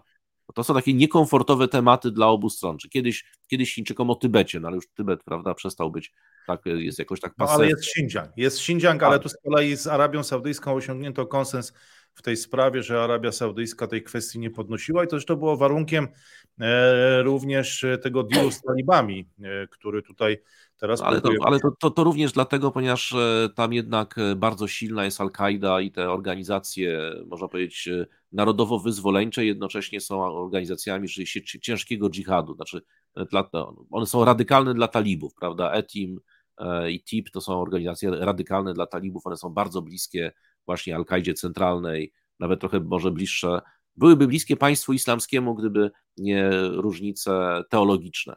Więc e, to, są, więc to nie jest sojusznik na pewno, znaczy gdyby Saudyjczycy zaczęli popierać te organizacje w sposób, e, w sposób e, jawny i otwarty, no to otworzyliby sobie również puszkę Pandory na własnym podwórku, prawda, i powinni wypuścić w takim razie z więzień tych wszystkich wahabitów, którzy chcą przecież obalić dynastię Saudów, więc dla nich to jest, dla nich tutaj ingerowanie w ten konflikt, w ogóle w konflikty rewolucyjne jest bardzo niekomfortowe dla Saudyjczyków i dla Emiratczyków wszędzie tam, gdzie pojawia nam się element właśnie rewolucji islamskiej, to jest coś, w którym momencie się Saudyjczycy starają wycofywać. Proszę Państwa, widzimy, że bardzo wielu z Państwa ogląda nas za granicą. Pozdrawiamy Mersburg i Manchester. Manchester i nie wiem, czy będziecie Państwo mogli dołączyć formule online na żywo do naszych seminariów. Znaczy online to na pewno będziecie mogli dołączyć, więc zapraszamy. Nie wiem, czy na żywo, bo tak widzę, że taka duża jest e, grupa widzów e, z zagranicy. Mesburg, Manchester, pozdrawiamy. E, I może to jest dobra okazja teraz, żeby odpowiedzieć na pytanie, które zadawał pan Cezary Balicki odnośnie Chin i Indii, bo tutaj jest ciekawa sprawa. W czerwcu 2020 roku doszło tam do starć między siłami służbami obu krajów. Zginęło podobno według oficjalnych danych około 24 e, osoby w tych starciach i ostatnio do takich starć doszło ponownie. E, my możemy uchylić trochę rąbka tajemnicy, że przygotowując się do, do jednego z odcinków Gry Imperiów też zastanawialiśmy się, czy nie poruszyć tego tematu, gdyż już pojawiały się pewne pogłoski o tym, e, że tam się coś przy tej granicy dzieje. Natomiast teraz obserwując te oświadczenia po tym starciu i po tym incydencie wygląda na to, że ani Indie, ani Chiny nie mają tym razem jakiejś wielkiej ochoty na to, żeby tą sytuację eskalować. E, nie wiemy, przynajmniej ja nie wiem, czy według tych dostępnych informacji, do których udało mi się dotrzeć, e, czy, ta, czy ten incydent był e, na większą skalę, raczej chyba nie. I też nie wygląda na to, żeby oba te kraje były chętne do tego, żeby to wyeskalować, czyli nadal będą prowadzić jakąś, taka będzie się jakaś utrzymywać chyba chwiejna równowaga w relacjach obu, obu tych państw. Znaczy, to znaczy ja tylko chciałem tutaj dodać, bo tutaj to, jest, to jest rzecz ciekawa, E, ponieważ to z jednej strony tam wzięło udział w sumie prawdopodobnie 300-350 żołnierzy, zresztą na tych filmikach, które przynajmniej Hindusi rzucają dużo. Ja zaznaczam, no, ponieważ bardzo wiele oficjalnych nawet agent hinduskich jest silnie zaangażowanych w propagandę państwową. Ja to obserwowałem na przykładach tam, gdzie mogłem zweryfikować dane ponad wszelką wątpliwość, czyli e, w relacjach pakistańsko-indyjskich i tutaj, jeżeli się pojawia jakiś film i on jest opisany, nawet pojawia się w oficjalnej agencji prasowej, to wcale nie znaczy, że to jest film z tego miejsca, z tego czasu, no ale na jakichś źródłach, prawda, musimy, musimy bazować. Potem się właśnie często okazuje, że to jest nie to miejsce. E, z całą pewnością e, i to, co jest na pewno potwierdzone, to to, że Indie w bardzo poważny sposób zwiększają i zwiększały teraz na jesieni swoją obecność wojskową generalnie w tym regionie, czyli w takim regionie właściwie miejsce, w którym koncentrowali wojska, no nie mamy w tej chwili mapy, no ale właśnie może przy okazji tych naszych seminariów jakieś tam mapy spróbujemy sobie e, pokazać, szczególnie jeżeli to będzie to, off, to offline'owe, czy to bezpośrednie, e, to, to nawet e, Pakistańczycy, pakistańscy analitycy, którzy bardzo uważnie śledzą, co tam się dzieje w tej części świata, twierdzili, że Hindusi być może, korzystając właśnie, że spróbują powtórzyć wojnę o Kargil, prawda, że spróbują uderzyć na, próbować, znaczy metodą faktów dokonanych, zająć tereny właśnie nie chińskie, tylko pakistańskie, że się wyplawią właśnie na tą część, na tą część Kaszmiru pakistańską, bo w takim miejscu sobie te wojska skoncentrowali, ale oczywiście mogą też potencjalnie uderzyć, uderzyć czy walczyć e, z Chińczykami i te, ponieważ e, no, rząd indyjski w tej chwili jest rządem no, mocno nacjonalistycznym. W związku z tym on jest, no, Modi jest znany z takich e, trochę tak, można powiedzieć, no do Erdogana bym go nie przyrównywał, ale jest równie ekspresyjny w swoich wypowiedziach i w, jakby w dążeniach. Więc e, tam się po prostu Hindusi, różni wojskowi, analitycy właśnie chwalą, ile tam artylerii nie przerzucono, ile czołgów, jak to się po tych Chińczyku, Chińczykach pojeżdżą, tak? Więc to, to nie znaczy, że to się, pomimo tego, że były informacje, że formalnie strony e, zapowiedziały deeskalację, to nie znaczy, że nie mają ochoty na przesuwanie tej miedzy. Natomiast jak jest wiele pytań, jest wiele pytań o to, mm, e, o co tam się biją. Znaczy, zwykle biją się o jakąś ścieżkę, szczyt, e, dróżkę, ponieważ to, ponieważ to ona sama w sobie nic nie wnosi, znaczy to jest kawałek, to jest kupa kamieni i nic więcej, najczęściej jeszcze nic tam nie rośnie, ale chodzi o to, że każda ta zdobyta pozycja w przypadku już konfliktu na pełną skalę może dać przewagę strategiczną. Może dać e, zwycięstwo ze względu na umiejscowienie tego danego posterunku, czy zbudowanie tej konkretnej drogi, która spowoduje, że będzie można te wojska przerzucić na granicę bardzo szybko. E, I i, i ten na przykład właśnie ta agresja hinduska w okolicach Ladak, prawda, czy to, że oni są byli tak agresywni wobec Chińczyków nagle, była spowodowana przede wszystkim tym, że Chiny po prostu zbudowały tam sobie drogę infrastrukturę, która pozwala im bardzo szybko z innych rejonów przerzucić wojska, co zmieniło jak gdyby równowagę strategiczną, czyli już nie na własnych plecach, nie na osiołkach, prawda, tylko właśnie można byłoby normalnie ciężarówkami, samochodami e, przerzucić duże ilości wojska, a w związku z tym wygrać potencjalnie tę bitwę graniczną. No problem polega na tym, że ta granica, o którą się biją, jest nieuregulowana. Tam nie ma żadnego dobrego, nawet historycznego traktatu granicznego, który by do końca określał przebieg tej granicy. Tam się próbują powoływać jeszcze na jakieś linie demarkacyjne z czasów brytyjskich, na jakieś dokumenty właśnie tam z XVIII wieku, ale e, nigdy nie doszło do ostatecznej e, delimitacji tej granicy. W związku z tym ona jest po prostu sporna, czyli kto sobie ile wywalczy, tyle, tyle jego. E, no właśnie, i to jest taki moment, właściwie, czy taki region, taka część świata, gdzie ta gra imperiów zderza się z konkretem i gdzie te wielkie imperia walczą o jakieś relatywnie niewielkie e, skrawki terenu o dużym znaczeniu strategicznym, a później to ma bardzo duże znaczenie chociażby w wojnie handlowej czy w wojnie technologicznej, bo jak pamiętamy, konsekwencje walki o tych przełęczy i o tych ścieżek w Himalajach, do których doszło w, w czerwcu 2020 roku, to te konsekwencje e, no, były dużo poważniejsze, bo powodowały banowanie czy wyrzucanie e, niektórych chińskich aplikacji, E, czy w ogóle całych technologii z ogromnego rynku indyjskiego. To jest też taki ciekawy przypadek, e, jak e, stosunkowo niewielkie terytoria i takie niezałatwione sprawy jak duży mają wpływ na, na politykę globalną później i na tą całą grę imperiów, którą już obserwujemy z dala od tych przełęczy w Himalajach. Ale tutaj nie daje nam spokoju pan Przybartek, który pyta nas cały czas, co myślimy o Brexicie. E, no nie wiem, ja osobiście, proszę Państwa, e, no trudno mi to komentować, zwłaszcza jeżeli tak wielu z Państwa mieszka w Manchesterze, Liverpoolu i Wy jesteście tam na miejscu, to możecie ocenić. Ja słyszałem ostatnio o strajkach w Londynie, że tam jest całe miasto sparaliżowane jakimiś strajkami.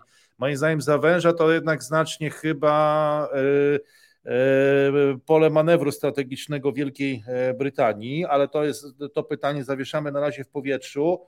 E, pan Greenbold e, pyta o zachowanie niepodległości Tajwanu i półprzewodniki. No, na razie umówmy się, że Tajwan formalnie niepodległy nie jest, a przynajmniej e, niczego takiego nie zadeklarował, więc tam gra idzie o utrzymanie status quo, czyli de facto rozciąganie swojej władzy na danym terytorium, co nie jest uznawane przez, przez rząd, który rozciąga władzę na danym terytorium, co nie jest jednak uznawane międzynarodowo. E, a jeżeli jest to w kilkunastu e, przypadkach. I mimo to no, Tajwańczycy uważają to status quo za pewnego rodzaju wartość i wydaje mi się, że to powinno się utrzymać. E, a przynajmniej widzę na to duże szanse, no chociaż oczywiście są i takie scenariusze, że, że sytuacja może się pogorszyć. Co do półprzewodników, to już zapraszamy na seminarium, ewentualnie tam więcej o tym powiemy, bo to jest ciekawa rozgrywka geopolityczno-technologiczna i, E, tutaj zbyt długo byśmy o tym e, mówili. No i wracamy do tego pytania, które na początku zadał pan Przemko o te zabytki w Syrii. Może pan pewnie je widział, więc może mógłby pan się wypowiedzieć, tak, ja e, co widziałem. będzie z tymi zabytkami, czyli zabytki w Syrii i, i Brexit. I Brexit. Znaczy, znaczna część zabytków w Syrii została rozgrabiona, nawet na Facebooku. Już chyba w tej chwili nie ma tych stron. Ja kiedyś, na moim Twitterze kiedyś rzucałem nawet link, gdzie można było sobie pooglądać, jak różnego rodzaju grupy przestępcze oficjalnie na Facebooku e, oferowały te zabytki grabione z muzeów. E, zresztą państwo islamskie samo, ale nie tylko, bo różnego rodzaju tej różnej maści dżihadyści, kiedy zajmowali kolejne muzea, to po prostu sprzedawali to wszystko. Abstrahując od tego, że jeszcze w czasach Asada podejście tam było bardzo specyficzne podejście do do zabytków, tych, które były zabytkami nieislamskimi. Ja miałem taką ciekawą dyskusję z jednym z prominentnych polityków syryjskich jeszcze przed wojną oczywiście, gdzie zapytałem się, dlaczego te ich zabytki, te, które rzeczywiście przyciągałyby chociażby turystów z Europy, są całkowicie niechronione, są całkowicie nawet nieogrodzone, nawet żeby dojechać do nich, e, trzeba się było pytać miejscowej ludności, bo nawet strzałek nie było. Ja pamiętam, jak w takiej bazylice Kalplozech to akurat w północnej Syrii, czyli serce Migdału. E, taka piękna bazylika, która była na drodze pielgrzymek z e, Konstantynopola do Ziemi Świętej, w związku z tym kiedyś e, bardzo bogata. Jak już przyjechałem do, do tej bazyliki po sześciu godzinach błądzenia w górach, gdzie skończyło nam się nagle paliwo, bo wszyscy lokalni, uprzejmi ludzie mówili, a to za tą górą, panie, to jeszcze i tam w lewo, prawda, jak to było na, na czterech pancernych i wedle tych trzech buczków w lewo. No i właściwie to praktycznie nam skończyło paliwo, ale jak był, był tam rzeczywiście pan, który sprzedawał bilety, tylko musiał przyjść ze wsi, a potem radośnie, to było akurat wtedy, to było, chyba w październiku, to sprzedał pierwszy bilet w tym roku, prawda? bo to był pierwszym człowiekiem, który tam w ogóle wtedy przyjechał. No i to tak właśnie było w Syrii, także oni specjalnie nie dbali o te zabytki, to znaczy były mocno zaniedbane, były takie miejsca, gdzie można było sobie e, pójść e, na miejsce powiedzmy sobie mocno zabytkowe, kopnąć parę razy nogą, wziąć, wyjąć e, glinianą tabliczkę, prawda, z pismem klinowym i tego po prostu nikt nie pilnował. E, a zawsze na taki, no to było więc generalnie, generalnie te, to głównie te takie, oczywiście nie mówimy o Palmirze, prawda, o tych takich najważniejszych e, miejscach, czy, czy, czy Derez Zur, prawda, czy Duros Europa, E, no tam były, prawda, te, tam gdzie były te wielkie misje archeologiczne, również polskie zresztą, bo tam Polacy bardzo dużo, muzeum przecież w Palmirze było, e, było cały, całe takie ściana właśnie tych, tych e, znalezisk Polaków, no ale to zostało, to, to zostało w większości podobno rozgrabione. I naprawdę, I naprawdę były, są zresztą raporty na ten temat, co zostało wywiezione, co, co nie. A tam, gdzie jeszcze wkraczało państwo islamskie, to pamiętajmy, że dla państwa islamskiego no i generalnie dla tych, dla, dla salafitów e, jakiekolwiek wizerunki, ale też wszystko to, co może być uznane za shirk, prawda, czyli za, e, za skłaniające do bałwochwalstwa. Jest zakazane, jest haram, musi zostać zniszczone. To jest zresztą właśnie ta część wspólna talibów i państwa islamskiego. Talibowie z, innej, z innych przyczyn ideologicznych, ale też tak uważają. Znaczy uważają, że nawet czyn, który jest e, jak najbardziej w szaria halal, prawda, dozwolony. Jeżeli będzie prowadził do czynu zabronionego, to staje się automatycznie zabroniony. Prawda? Czyli samo w sobie e, istnienie e, jakiegoś tam zabytku nie, ale jeżeli człowiek będzie się patrzył na tą świątynię Bala na przykład, no i sobie pomyśli o tym Balu, to znaczy, że już popełnia shirk, prawda, grzech, no bo odchodzi od, od wiary, od monoteizmu, a w związku z tym potencjalnie może odejść, a w związku z tym samo istnienie tego zabytku jest e, jak najbardziej zakazane. No właśnie, to tyle a propos, a propos zabytków e, w Syrii, o co, e, o co pytał pan Przemek. Pan Przemo, Przemko, przepraszam, tutaj, żeby nie przekręcić państwa, państwa ników. Proszę Państwa, widzę, że dołączają do nas widzowie również z Westfalii.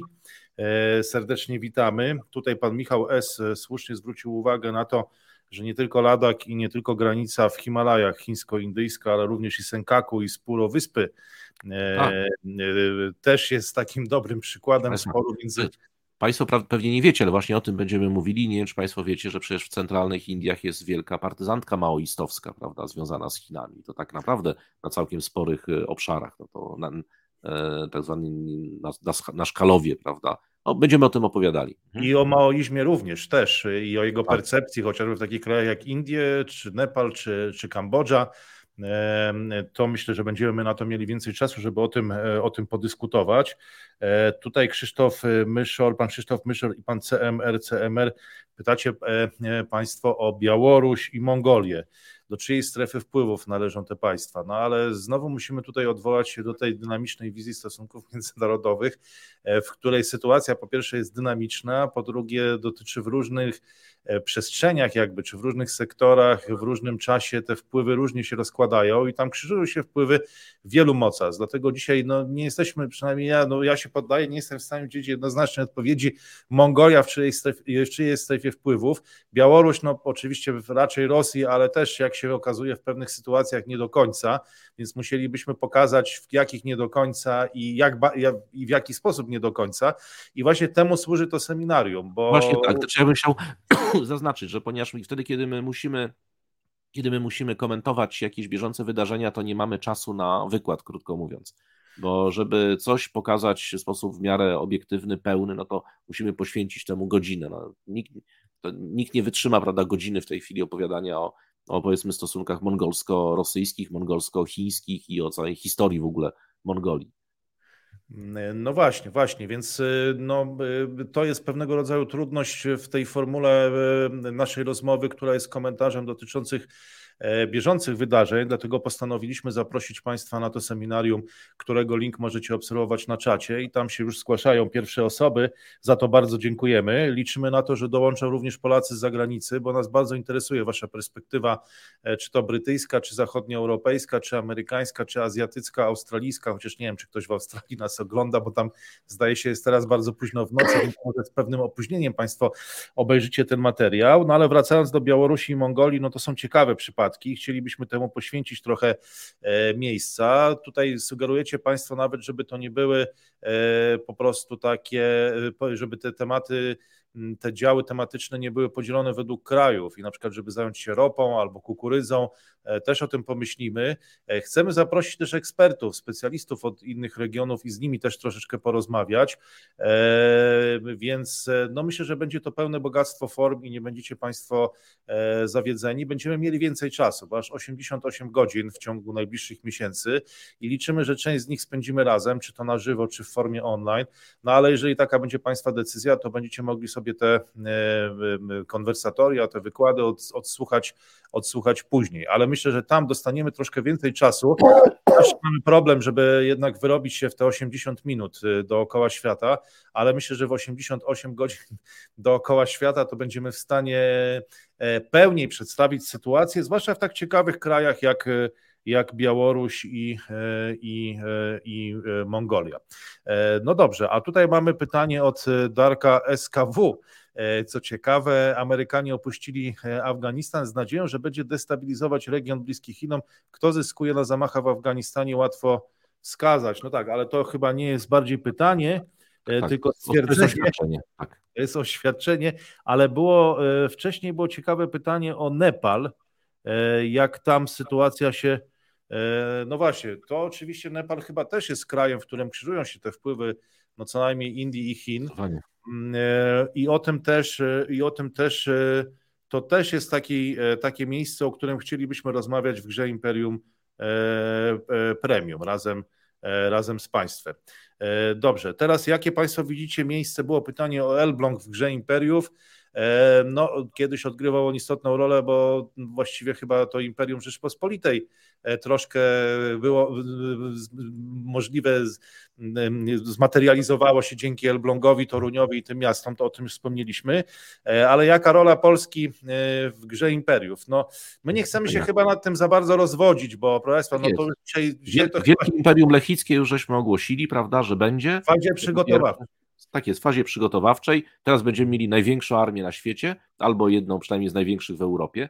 W związku z tym no, przygotowujemy się jakby nie było. Ja cały czas jestem przekonany o tym, że, że naj, najważniejszym e, elementem relacji e, Polski z Chinami powinna być umowa o małym ruchu granicznym. Powinniśmy do tego dążyć. No właśnie, profesor, wydaje nam się, że właściwie chyba moglibyśmy przygotować oddzielny program, w którym, czy oddzielny taki serię, cykl seminariów, w którym no, rozważalibyśmy właśnie rolę Polski w grze, e, w grze imperiów. E, natomiast oczywiście, proszę Państwa, Polska będzie się tam gdzieś pojawiać w tle, bo jest bardzo ważnym krajem, jest położona blisko pól bitewnych Ukrainy. E, I oczywiście ta gra imperiów, która się toczy, no szczególnie między tymi imperiami świata zachodniego, Francją, Niemcami, Unią Europejską, który jesteśmy krajem członkowskim, a Stanami Zjednoczonymi, ona nas w pewien sposób dotyczy. Natomiast nie chcielibyśmy chyba e, iść w stronę latarnika, e, który gdzieś tam rozpacza i dokonuje jakichś takich, no nie wiem, aktów patriotycznych. Te seminaria, no nie temu chyba będą służyć, Aczkolwiek, no, proszę Państwa, to będą rozmowy. E, myślę, że no, tematu Polski oczywiście nie unikniemy. Obserwujemy te wydarzenia na świecie z, z naszej perspektywy, e, więc myślę, że będzie, że, będzie, że będzie ciekawie także i pod tym względem. E, no dobrze, tutaj mamy ciekawe pytanie. Właśnie, zaraz, bo chyba nam to troszkę tutaj zawsze jak zaczyna, zawsze jak pojawia się sprawa polska, to, e, to troszkę te e, inne wątki się blokuje. Tak. tak. E, no Polska już z Mongolią graniczyła i to pod Legnicą. To ciekawa tutaj uwaga Wizuna. Czy po kilku miesiącach domyślają się Państwo, kto wysadził Nord Stream? No raczej nie Heinrich XIII. Nie wiem, czy to byłoby możliwe. Nie, no my wiemy, wiemy, nieznani sprawcy. Nieznani sprawcy. Czy Chiny mają pomysł na walkę z katastrofą demograficzną? No mają pomysł, ale nie to Mr. Unthinkable, ale mają pomysł, ale, ale no, proszę Państwa, na ile on się sprawdzi, to zobaczymy. E, w wielkim skrócie pomysł sprowadza się do tego, że e, po pierwsze nowe technologie, tak, nowe technologie i ma być to nowoczesne społeczeństwo oparte na technologiach, ale to ma być połączone z taką bardziej konserwatywną wizją e, jednak społeczeństwa, wartościami rodzinnymi i co ciekawe, funkcjonariusze partyjni nawet sami mają dawać przykład, co jest z kolei no, dosyć rozpowszechnione w społeczeństwach konfucjańskich, że te elity mają dawać przykład, a pozostali mają ich naśladować i będą zalecenia, żeby mieli dwójkę lub trójkę E, dzieci. To już, e, to już w zasadzie zaczyna w Chinach działać w ten sposób, czyli próba połączenia nowych technologii, automatyzacji, AI, sztucznej inteligencji i wartości konserwatywnych. Nie wiem, czy to się jeszcze chyba nikt tego nie próbował, ale Chinom udało się wiele rzeczy, których też nikt wcześniej przynajmniej na taką skalę nie próbował, więc to zobaczymy. Raczej nie będzie modelu multikulturowego. No on ma swoje wielkie zalety, ale też ma pewnego rodzaju wady, co widzieliśmy po meczach e, Belgii z Marokiem czy Francji z Marokiem. E, I wydaje się, że Chińczycy nie są do tego przekonani, aczkolwiek na Tajwanie jest to społeczeństwo wielokulturowe, no w tym sensie, że przyjechało sporo osób z Azji Południowo-Wschodniej, sporo osób z Filipin. Natomiast wydaje mi się, że w Chinach raczej takiego pomysłu nie będzie, że to pójdzie w stronę technologii. E, no i zobaczymy. Więc to jest taki temat, proszę Państwa, no ja odbywam wiele spotkań takich e, w Polsce, rozmawiam z wieloma osobami, często na takich właśnie zamkniętych seminariach czy spotkaniach, no i wszyscy są przekonani, że Chiny upadną z powodu demografii. I już wszyscy, jak mam wrażenie, w Polsce na to czekają. I to mnie trochę dziwi, bo nasze wskaźniki demograficzne no, są nieznacznie wyższe od chińskich, a właściwie przez cały czas były niższe. Dopiero ostatnio Chinom spadły. Ja mam wrażenie, że naszym pomysłem jest jednak społeczeństwo wielokulturowe i to jest nasza wizja, że to my chcemy i to się właściwie no, dzieje, tak, że w ostatnich miesiącach tą, te, ten, tą demografię troszkę poprawiliśmy, ale dzięki temu, że przybyły po prostu e, kobiety z dziećmi z Ukrainy, tak. Natomiast Chińczycy będą szli moim zdaniem właśnie w, w będą próbowali iść w stronę społeczeństwa konserwatywnego. Tam już są pierwsze programy społeczne, socjalne w niektórych miastach próbowane, gdzie miasta po prostu finansują czy płacą takie specjalne dodatki e, dla dzieci, no i rozwój tych nowoczesnych technologii, bo jeżeli spojrzymy na to, proszę Państwa, to w najgorszej sytuacji na świecie dzisiaj jest Korea Południowa, ona ma najgorsze wskaźniki demograficzne, i zobaczymy, czy technologie będą w stanie to e, sobie z tym poradzić, bo, e, bo jeżeli nie, no to wtedy będą dominować takie kraje jak India, a jeżeli e, duża populacja nie będzie potrzebna w takim stopniu, w jakim była wcześniej, to wtedy na przykład Indie, które mają olbrzymią młodą populację, to one będą mogą mieć problem, bo trzeba tym ludziom jednak znaleźć zajęcie, ich wyżywić, znaleźć im dach nad głową i tak dalej, to też wcale nie jest takie proste. No ale o demografii można by rozmawiać E, rozmawiać e, godzinami. E, może tutaj Pan by się wypowiedział jako specjalista od ruchów ekstremalnych. Co sądzicie o przesyłce z Ukrainy do Komendy Głównej Policji w Warszawie? Wiadomość dzisiaj podobno prezent, no ale to chyba trudno komentować takie sensacyjne informacje, ale może gdzieś Pan widzi jakąś analogię i czego ja, się Pan domyśla, z czym publicznie może się Pan podzielić? Przyznam, że mi się od razu przypomniał, nie wiem, czy Państwo widzieliście taki film, nazywał się Piąty Element, e, science fiction, prawda, z Milą Jowowicz i tam jest taka, jeden z tych takich e, wojowników Bruce Mangalorów. Willisem tak, chyba, nie, nie tylko Milą Jowowicz, tylko Bruce Willisem. Tak, tak, tak Willisem, tak jest, oczywiście. I, e, i, I tam jeden z tych właśnie Mangalorów, czyli tych, tych, tych, tych, tych takich potworów, prawda, wojowników, e, dostał, miał w rękach taki granatnik i zobaczył taki przycisk i właśnie zastanowił się, do czego ten przycisk służy. No i mieliśmy właśnie pewnie to, co tam i na komendzie się e, zdarzyło. E, no bo tego, tego, tego się nie da niestety komentować inaczej niż w kategoriach jakiegoś e, poważnego żartu. Tym bardziej, no właśnie, tym bardziej, że procedury zachowania się i, i obchodzenia z bronią akurat są przez samą policję przecież, jakby nie było, wyjątkowo, wyjątkowo nie tylko przestrzegane, ale również wymaga się od każdej osoby, która posiada broń, a nie jest policjantem, spełniania naprawdę, znaczy umiejętności posługiwania się nią i pamiętania o tym, że że, że, że broń jednak e, sama do roku raz strzela, prawda, nawet rozładowana. No już tak na marginesie. Więc e, natomiast tam było jeszcze chyba trochę ciekawsze pytanie. Było też pytanie na temat tego, czy zaprosimy Zeleńskiego. Nie, nie zaprosimy Zeleńskiego, ale macie Państwo tylu w Polsce. Już go zaprosiliśmy. Tak, a potem. Ale macie na razie myśli nad. Tak. Macie Państwo w Polsce tylu polityków, którzy mówią dokładnie to samo, co Zeleński i są bardziej ukraińscy od Ukraińców, to można, może któregoś z nich po prostu losowo zaprosimy i usłyszymy pewnie to samo. No właśnie, może,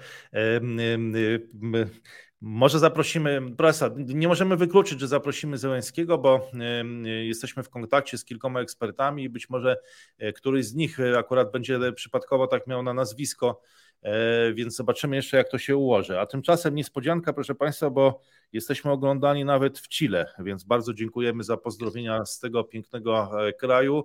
E, zdaje się, że tam jest jeszcze popołudnie, bo mamy kilka godzin do tyłu. E, więc e, cieszymy się, że jesteśmy oglądani w Chile e, i byłaby to absolutna sensacja, gdyby ktoś oglądał nas w Nowej Zelandii albo w Australii, ale pewnie tak będzie już z pewnym opóźnieniem, pewnie, pewnie jutro. Pani Aleksandra Żewuska, tutaj w ogóle bardzo dziękujemy wszystkim paniom, bo dziękowaliśmy wszystkim z państw, Państwu na początku, którzy wspieracie nas finansowo, przekazujecie te tak zwane donaty. Tak się okazuje, że bardzo duża grupa pań nas wspiera i to bardzo szczodrze. To bardzo dziękujemy e, tak przy okazji. I tu pani Aleksandra Żewuska zadaje pytanie o muzułmanów w Europie, czy to się nie skończy e, jakimiś pogromami czy konfliktami etnicznymi, tak jak to kiedyś było no, z ludnością e, żydowską na naszym kontynencie. Może, no właśnie, to jest pierwsze pytanie. I drugie, czy, czy Afganistan się rozpadnie na kawałki, ale to zakładam, zakładam że dojdzie do jego dezintegracji, tak jak to było wcześniej. Ja zakładam, że to jest pytanie po prostu o to, czy talibom uda się e, utrzymać stabilność e, w tym kraju, z czym już wszyscy zmęczeni tą destabilizacją wiązali z talibami takie wielkie nadzieje. No a teraz sytuacja chyba tak wesoła nie jest. Więc jakby pan się ustosunkował do tych dwóch pytań o ludność muzułmańską w Europie i Afganistan? Znaczy, jeżeli chodzi o ludność muzułmańską w Europie, to, e, to jest bardzo dobre pytanie ponieważ e, imigracja głównie muzułmańska do Europy ostatnich lat, znaczy od 2015 roku, doprowadziła do zasadniczych zmian na scenie politycznej. I to zarówno na tej oficjalnej, prawda, parlamentarnej scenie politycznej, jak i na, można powiedzieć, scenie tej już nieoficjalnej, czyli no, ugrupowań skrajnych. E, I jest jak najbardziej, jest jak najbardziej faktem, że mm, na przykład taki ruch wielkiego zastąpienia i koncepcja wielkiego zastąpienia, również ruch identytarystów. E, to, są, e, to już jest wynikiem rzeczywiście tej, tej niekontrolowanej migracji. E, I na marginesie tych ruchów pojawiają się nam również osoby czy ruchy skrajne. No, mieliśmy Brewika, mieliśmy Brentona Taranta. To są osoby, które nawiązują wprost w swoich manifestach, których dokonywały przed zamachami, do tych, do tych, do tych ruchów. To jest właśnie coś, o właśnie, to jest coś, co nadawałoby się na seminarium, ale ponieważ my w tych seminariach naszych chyba żeśmy nie umieścili tego, więc być może na kolejną serię. Ja właśnie jestem po świeżo po całym weekendzie wykładów właśnie z studentami przez e, kilka godzin.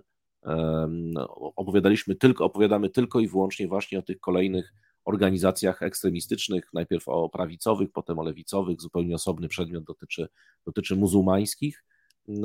I właśnie między innymi właśnie o tym ruchu wielkiego zastąpienia, ale ruch wielkiego zastąpienia to tak powiem w dużym skrócie, to jest taka teoria mówiąca o tym, że tak naprawdę ta migracja nie jest wcale przypadkiem, jest to rodzaj spisku, e, ponieważ wielkim korporacjom i temu deep state, prawda, e, odpowiadać ma e, zastąpienie żywiołu europejskiego, który jest na dodatek chrześcijański, który jest spójny etnicznie, kulturowo, którym się w związku z tym bardzo źle manipuluje e, ludnością napływową z Afryki, z Bliskiego Wschodu, żeby w ten sposób, e, żeby w ten sposób taki, dokonać takiej, e, można powiedzieć, polityki eugenicznej w skali makro, prawda, czyli zastąpić tą ludność, ludność autochtoniczną, ludnością napływową, bo, bo taką masą będzie jeszcze wielokulturową będzie łatwiej manipulować. No, wydawałoby się, że teoria jak teoria, ona tam pojawiła się na skraju prawym ruchu Le Pen, no ale właśnie na przykład Brenton Tarrant jest jednym z, jednym z realizatorów tej myśli. W związku z tym, tak, rzeczywiście taki konflikt, e, może nie taki jak w czasie II wojny światowej, ale on cały czas gdzieś tam e, dojrzewa i im więcej było zamachów organizacji ekstremistycznych islamskich, tym więcej było również e, no, spodziewanych kontrakcji ze strony różnych ugrupowań, które się też radykalizowały i tych ugrupowań skrajnych. Więc znaczy, różnych, znaczy i, i, i jak gdyby scena polityczna, no chociażby we Francji, prawda, poszła mocno na prawo, bo jednak no Le Pen, prawda, kiedyś jeszcze stary Le Pen był gdzieś znajdował się gdzieś na marginesie polityki, a w tej chwili to jest to jednak e, ruch narodowy staje się drugą siłą, przynajmniej w wyborach prezydenckich, jak widzieliśmy. E, czyli, ten, czyli to nie jest tak, że to nie, jest, nie są to myśli popularne, ale to jest właśnie spowodowane migracją i jak gdyby tym, że sobie Piąta Republika nie potrafiła z tą migracją e, poradzić. Więc e, warto obserwować to, co się dzieje właśnie w ruchach anty, antymigracyjnych, ponieważ one będą miały, zresztą to jest Le Pen we Francji, AfD w Niemczech, to, to są organizacje, które są nieschyłkowe, znaczy to są organizacje, które mają całkiem sporą perspektywę jeszcze, jeszcze dalszego e, rozwoju. Okay, i było drugie pytanie, już niestety nie pamiętam. Y, Afganistan, czy się y, czy y, Afganistan i. Czy się podzieli? No, tak. To jest, no, jest, to jest tak, że generalnie Afganistan pewnie najrozsądniej i najprościej byłoby, gdyby się podzielił według tych linii podziału etnicznego. Żebyśmy mieli przynajmniej właśnie Pusztunów, być może we własnym państwie, Tadżyków, Uzbeków, prawda, we własnych państwach. No ale na to się na razie nie zanosi. To znaczy ci, którzy tam mieszkają, te, e, znaczy jakby nie ma ruchów separatystycznych, które by dążyły, chociaż pomimo tego, że przecież i Uzbecy, i Tadżycy mają swoją siłę, mają swoją siłę militarną, to jednak nie, nie pojawiły się przynajmniej takie silne ruchy separatystyczne, które chciałyby oddzielić kawałek Afganistanu i na przykład przyłączyć właśnie te, te ziemie tadżyckie do Tadżykistanu. Chociaż mhm. takie głosy się pojawiały, ale jakiś partyzantek, prawda, wielkich wielkich akcji nie było. To nie jest tak jak w Beludżystanie, prawda, który ewidentnie chce się oderwać od Iranu i, i, i Pakistanu i tam jest ewidentnie jest to wojna narodowo-wyzwoleńcza, no, rodzaj prawie że pełzającego powstania, bo może nie takiego powstania na pełną skalę, jak to było w latach 70. Mhm. E, no dobrze, proszę Państwa, witamy kolejnych widzów. Jest też już ponad 900 e, osób. E, no to jest pewnego rodzaju niespodzianka, bo już prawie 100 minut podróżujemy dookoła świata dyskutując o światowej e, polityce. I nie zamierzamy chyba kończyć jeszcze, no chyba, że Państwo. Będziemy jeszcze... chyba, już chyba będziemy zmierzali do końca, tak przypuszczam.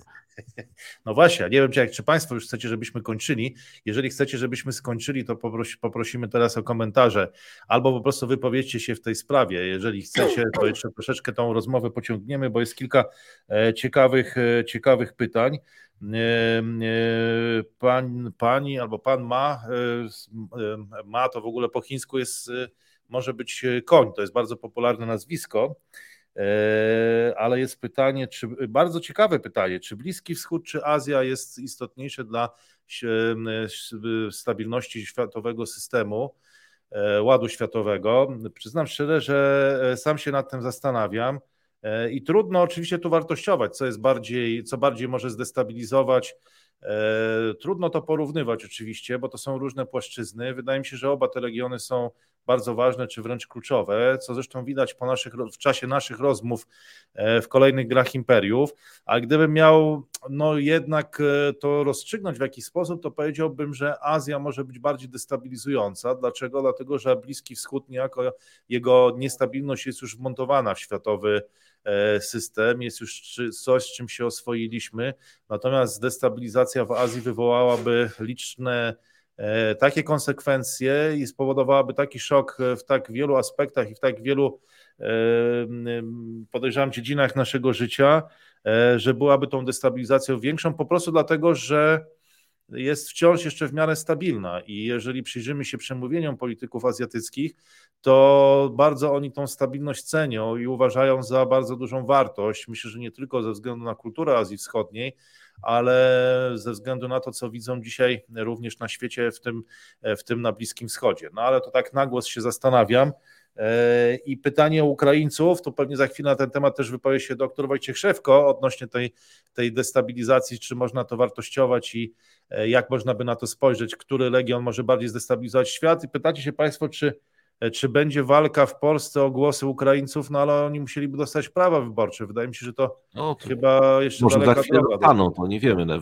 Ewolucja idzie chyba w tym kierunku, tak. E, ale to chyba jeszcze nie w tych wyborach, wydaje mi się, że, że to może być ciekawe, jeżeli tak wybiegamy sobie w przyszłość, bo może, proszę Państwa, jest tak, że 24 lutego 2022 roku narodziła się czwarta Rzeczpospolita albo piąta, już nie wiem jakie numerujemy, ale narodziło się coś zupełnie nowego, o czym my jeszcze teraz nie wiemy. Może sobie teraz dyskutujemy na e, Gra Imperiów QA, a może kiedyś historycy powiedzą, że to jest powrót do drugiej Rzeczpospolitej no, my oczywiście chcielibyśmy, żeby to było do pierwszej, e, no ale to, że to będzie coś nowego, bo diametralnie być może zmienią się proporcje e, no, etniczne, ludnościowe w Polsce. One się być może zmieniły w tym roku, tylko my jeszcze o tym nie dyskutujemy, czy też dyskutujemy sobie dzisiaj tutaj tak na luzie w trakcie tego e, programu. Może kiedyś historycy wskażą ten rok, który już się kończy, bo ile nam jeszcze zostało do końca tego roku? 16 dni.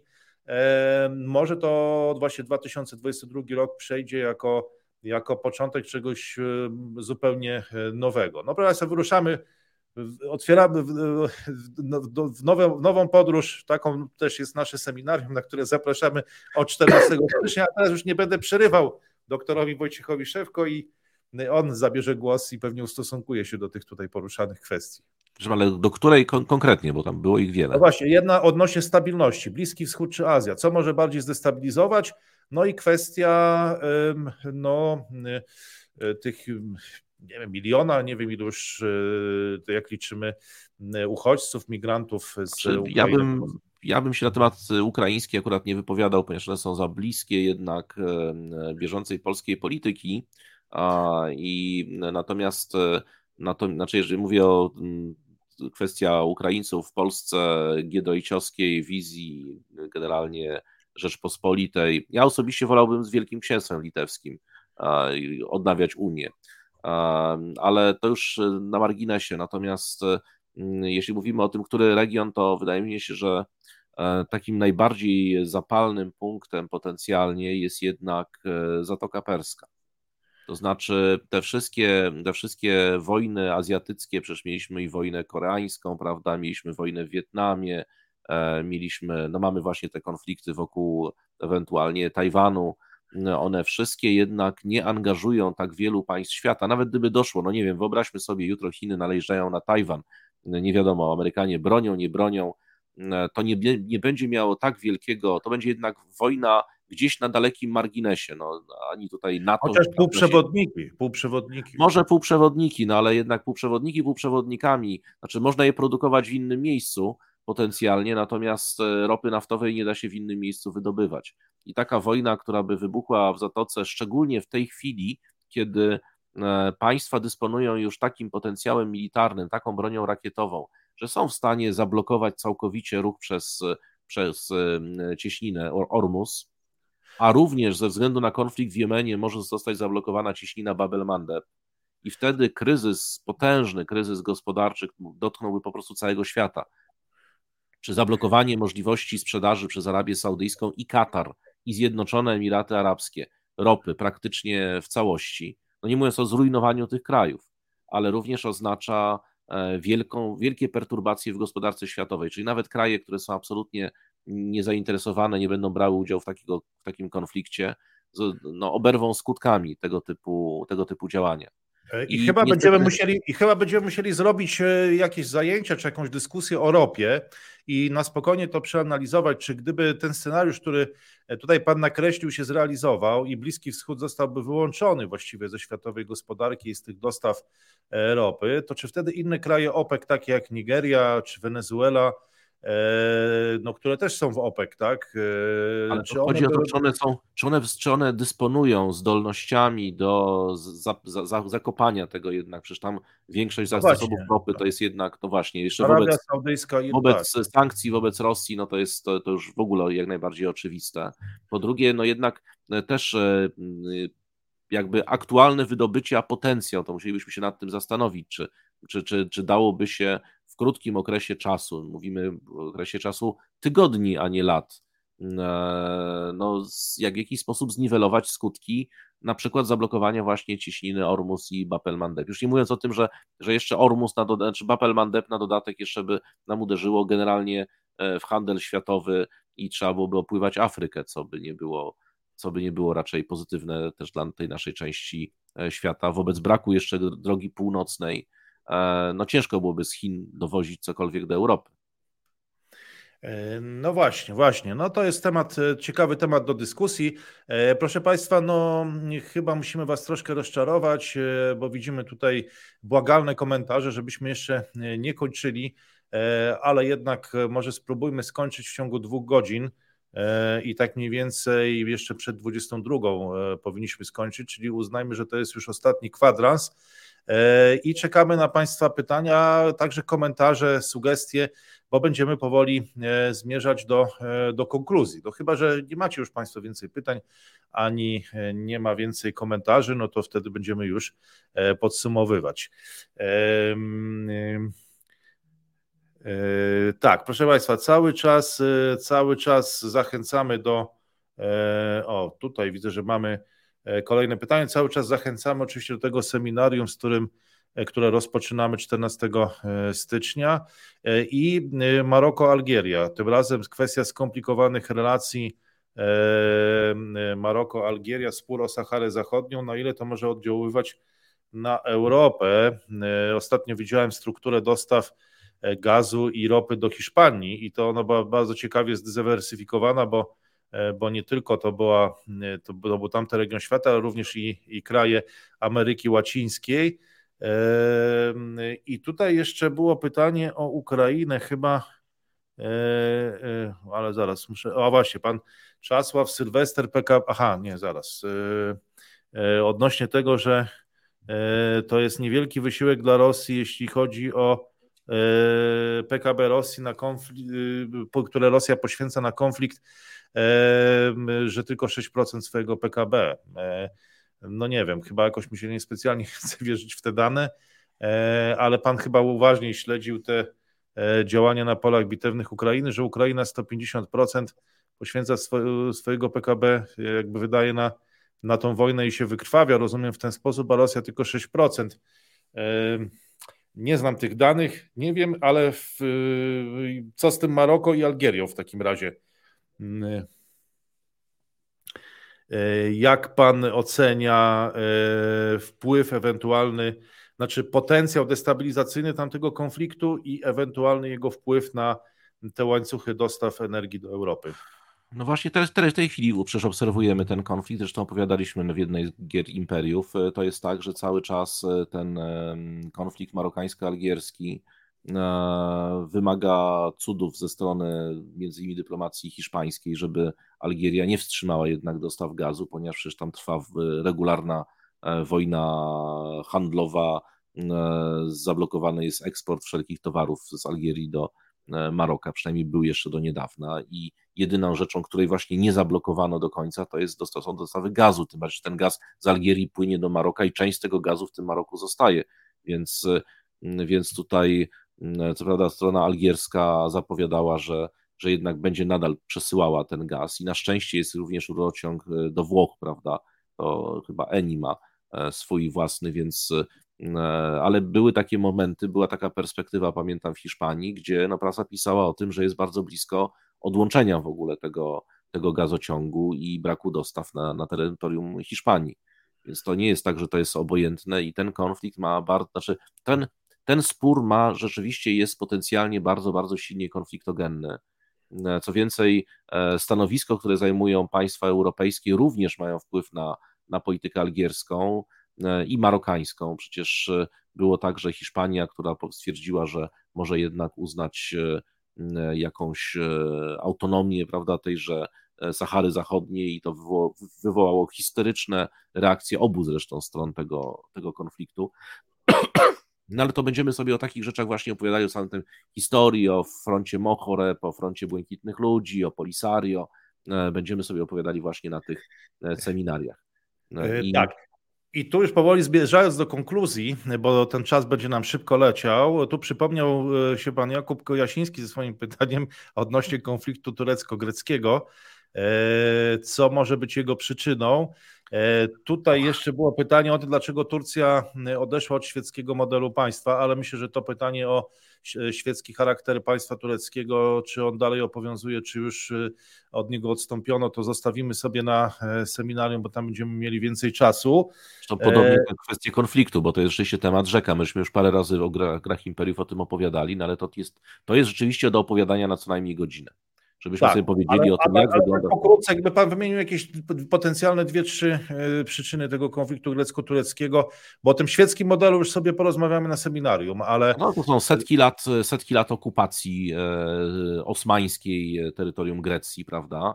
To jest i, i generalnie Bałkanów, to jest wojna o niepodległość, wyzwolenie się Grecji, masakry ludności greckiej, ludności chrześcijańskiej przez, przez Osmanów, Potem mamy, e, potem mamy pierwszą wojnę światową i, e, i oddanie wysp e, na Morzu Egejskim częściowo Grecji, a częściowo Włochom, a po II wojnie światowej włoskie trafiły do Grecji.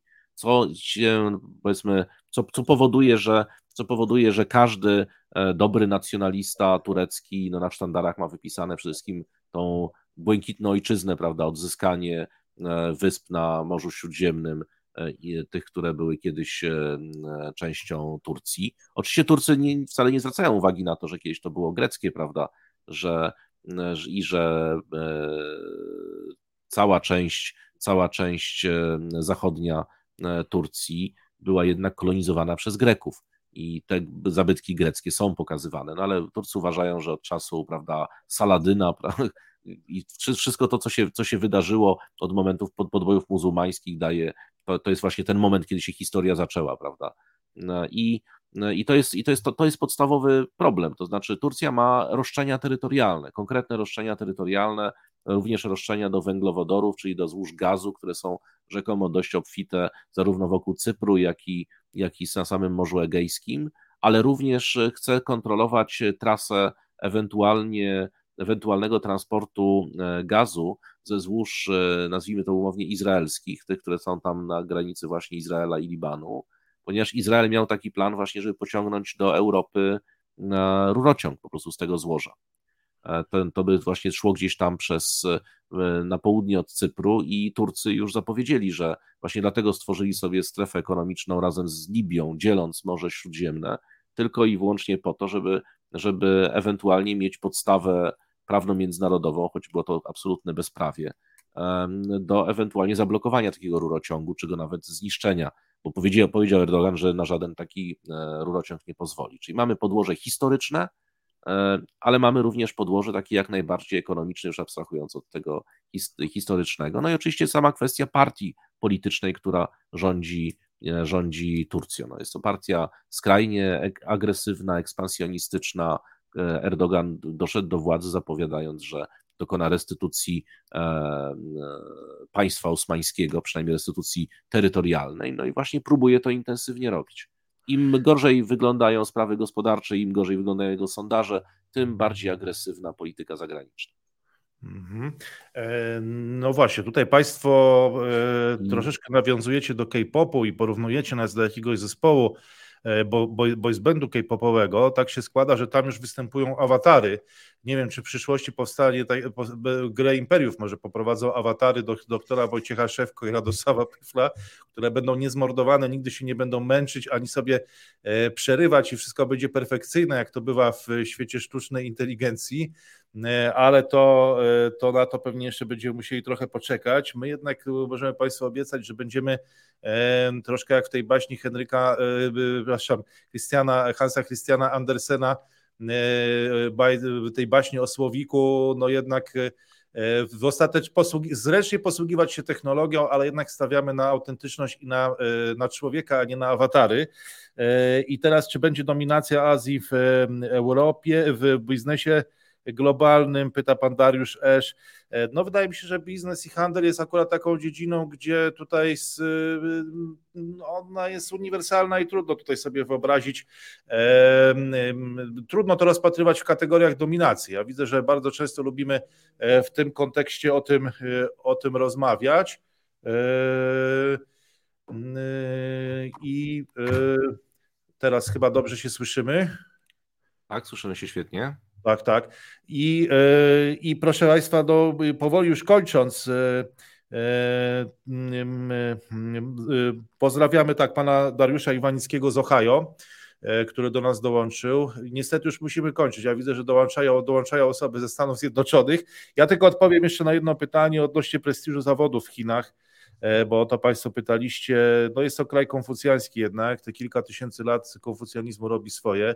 I to między innymi sprawia, że bardzo trudno, nie ma bardzo niewielkim prestiżem e, cieszy się zawód na przykład piłkarza w Chinach i dlatego ten kraj nie może tak łatwo zbudować kultury futbolowej, dlatego że uznaje się, że jest to zajęcie dla półgłówków e, generalnie i każdy rodzic jednak marzy o tym, żeby jego, jego dziecko zajmowało się czymś znacznie poważniejszym, e, czymś, co wiąże się z jakąś wiedzą merytoryczną, z jakimś prestiżem, z jakimiś umiejętnościami e, i to jest takie angielskie słowo merit, nie wiem jak to powiedzieć po polsku, jaki byłby tu dobry polski odpowiednik słowa merit, czyli jakaś kompetencja, no ktoś coś umie, wiąże wiąże się to z szacunkiem i to jest, tak to bywa w społeczeństwach konfucjańskich. Jeżeli Państwo jesteście w czymś dobrzy i dobrze to robicie, e, jesteście mistrzami w swoich dziedzinach, to służycie tam na szacunek.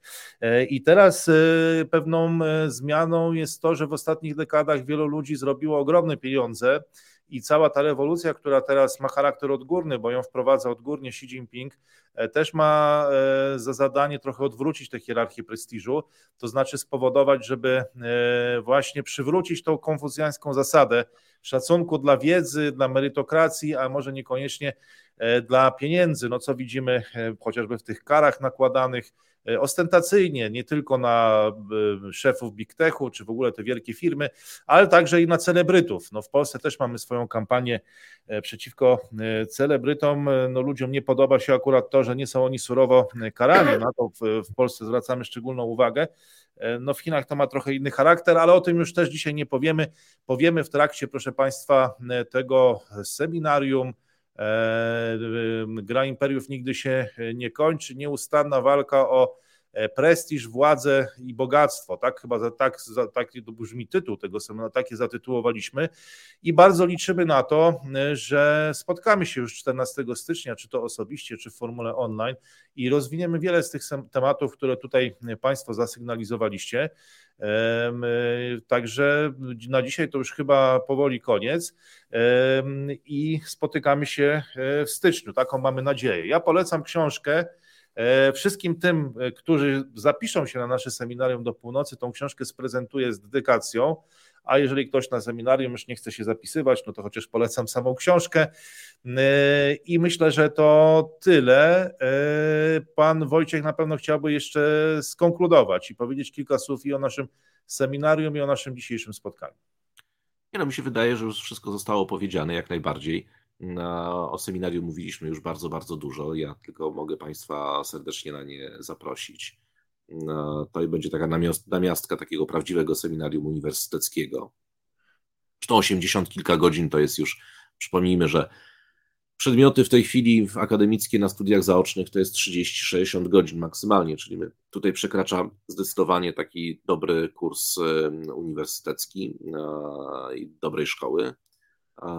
I mam nadzieję, że się z Państwem na tych seminariach spotkamy. Jeżeli nie, to i tak przecież nie zaprzestaniemy naszej działalności E, misyjnej i naszej działalności e, obnażania e, różnych prawidłowości polityki współczesnej i będziemy się na pewno spotykali na grach imperiów w przyszłym roku. Tak jest. Proszę Państwa, za tydzień prawdopodobnie spotkamy się, żeby podsumować ten mijający rok 2022. Były to wydarzenia rewolucyjne. Wydarzyło się bardzo wiele. Myślę, że czeka nas bardzo ciekawa rozmowa, ale to już proszę Państwa, w przyszłym tygodniu. O jednej rzeczy jeszcze nie powiedzieliśmy, ale powiemy o niej na samym końcu. Proszę Państwa, wesołych świąt, wszystkiego dobrego i widzimy się wkrótce. Gra Imperiów nigdy się nie kończy. Dziękujemy bardzo. Dziękuję.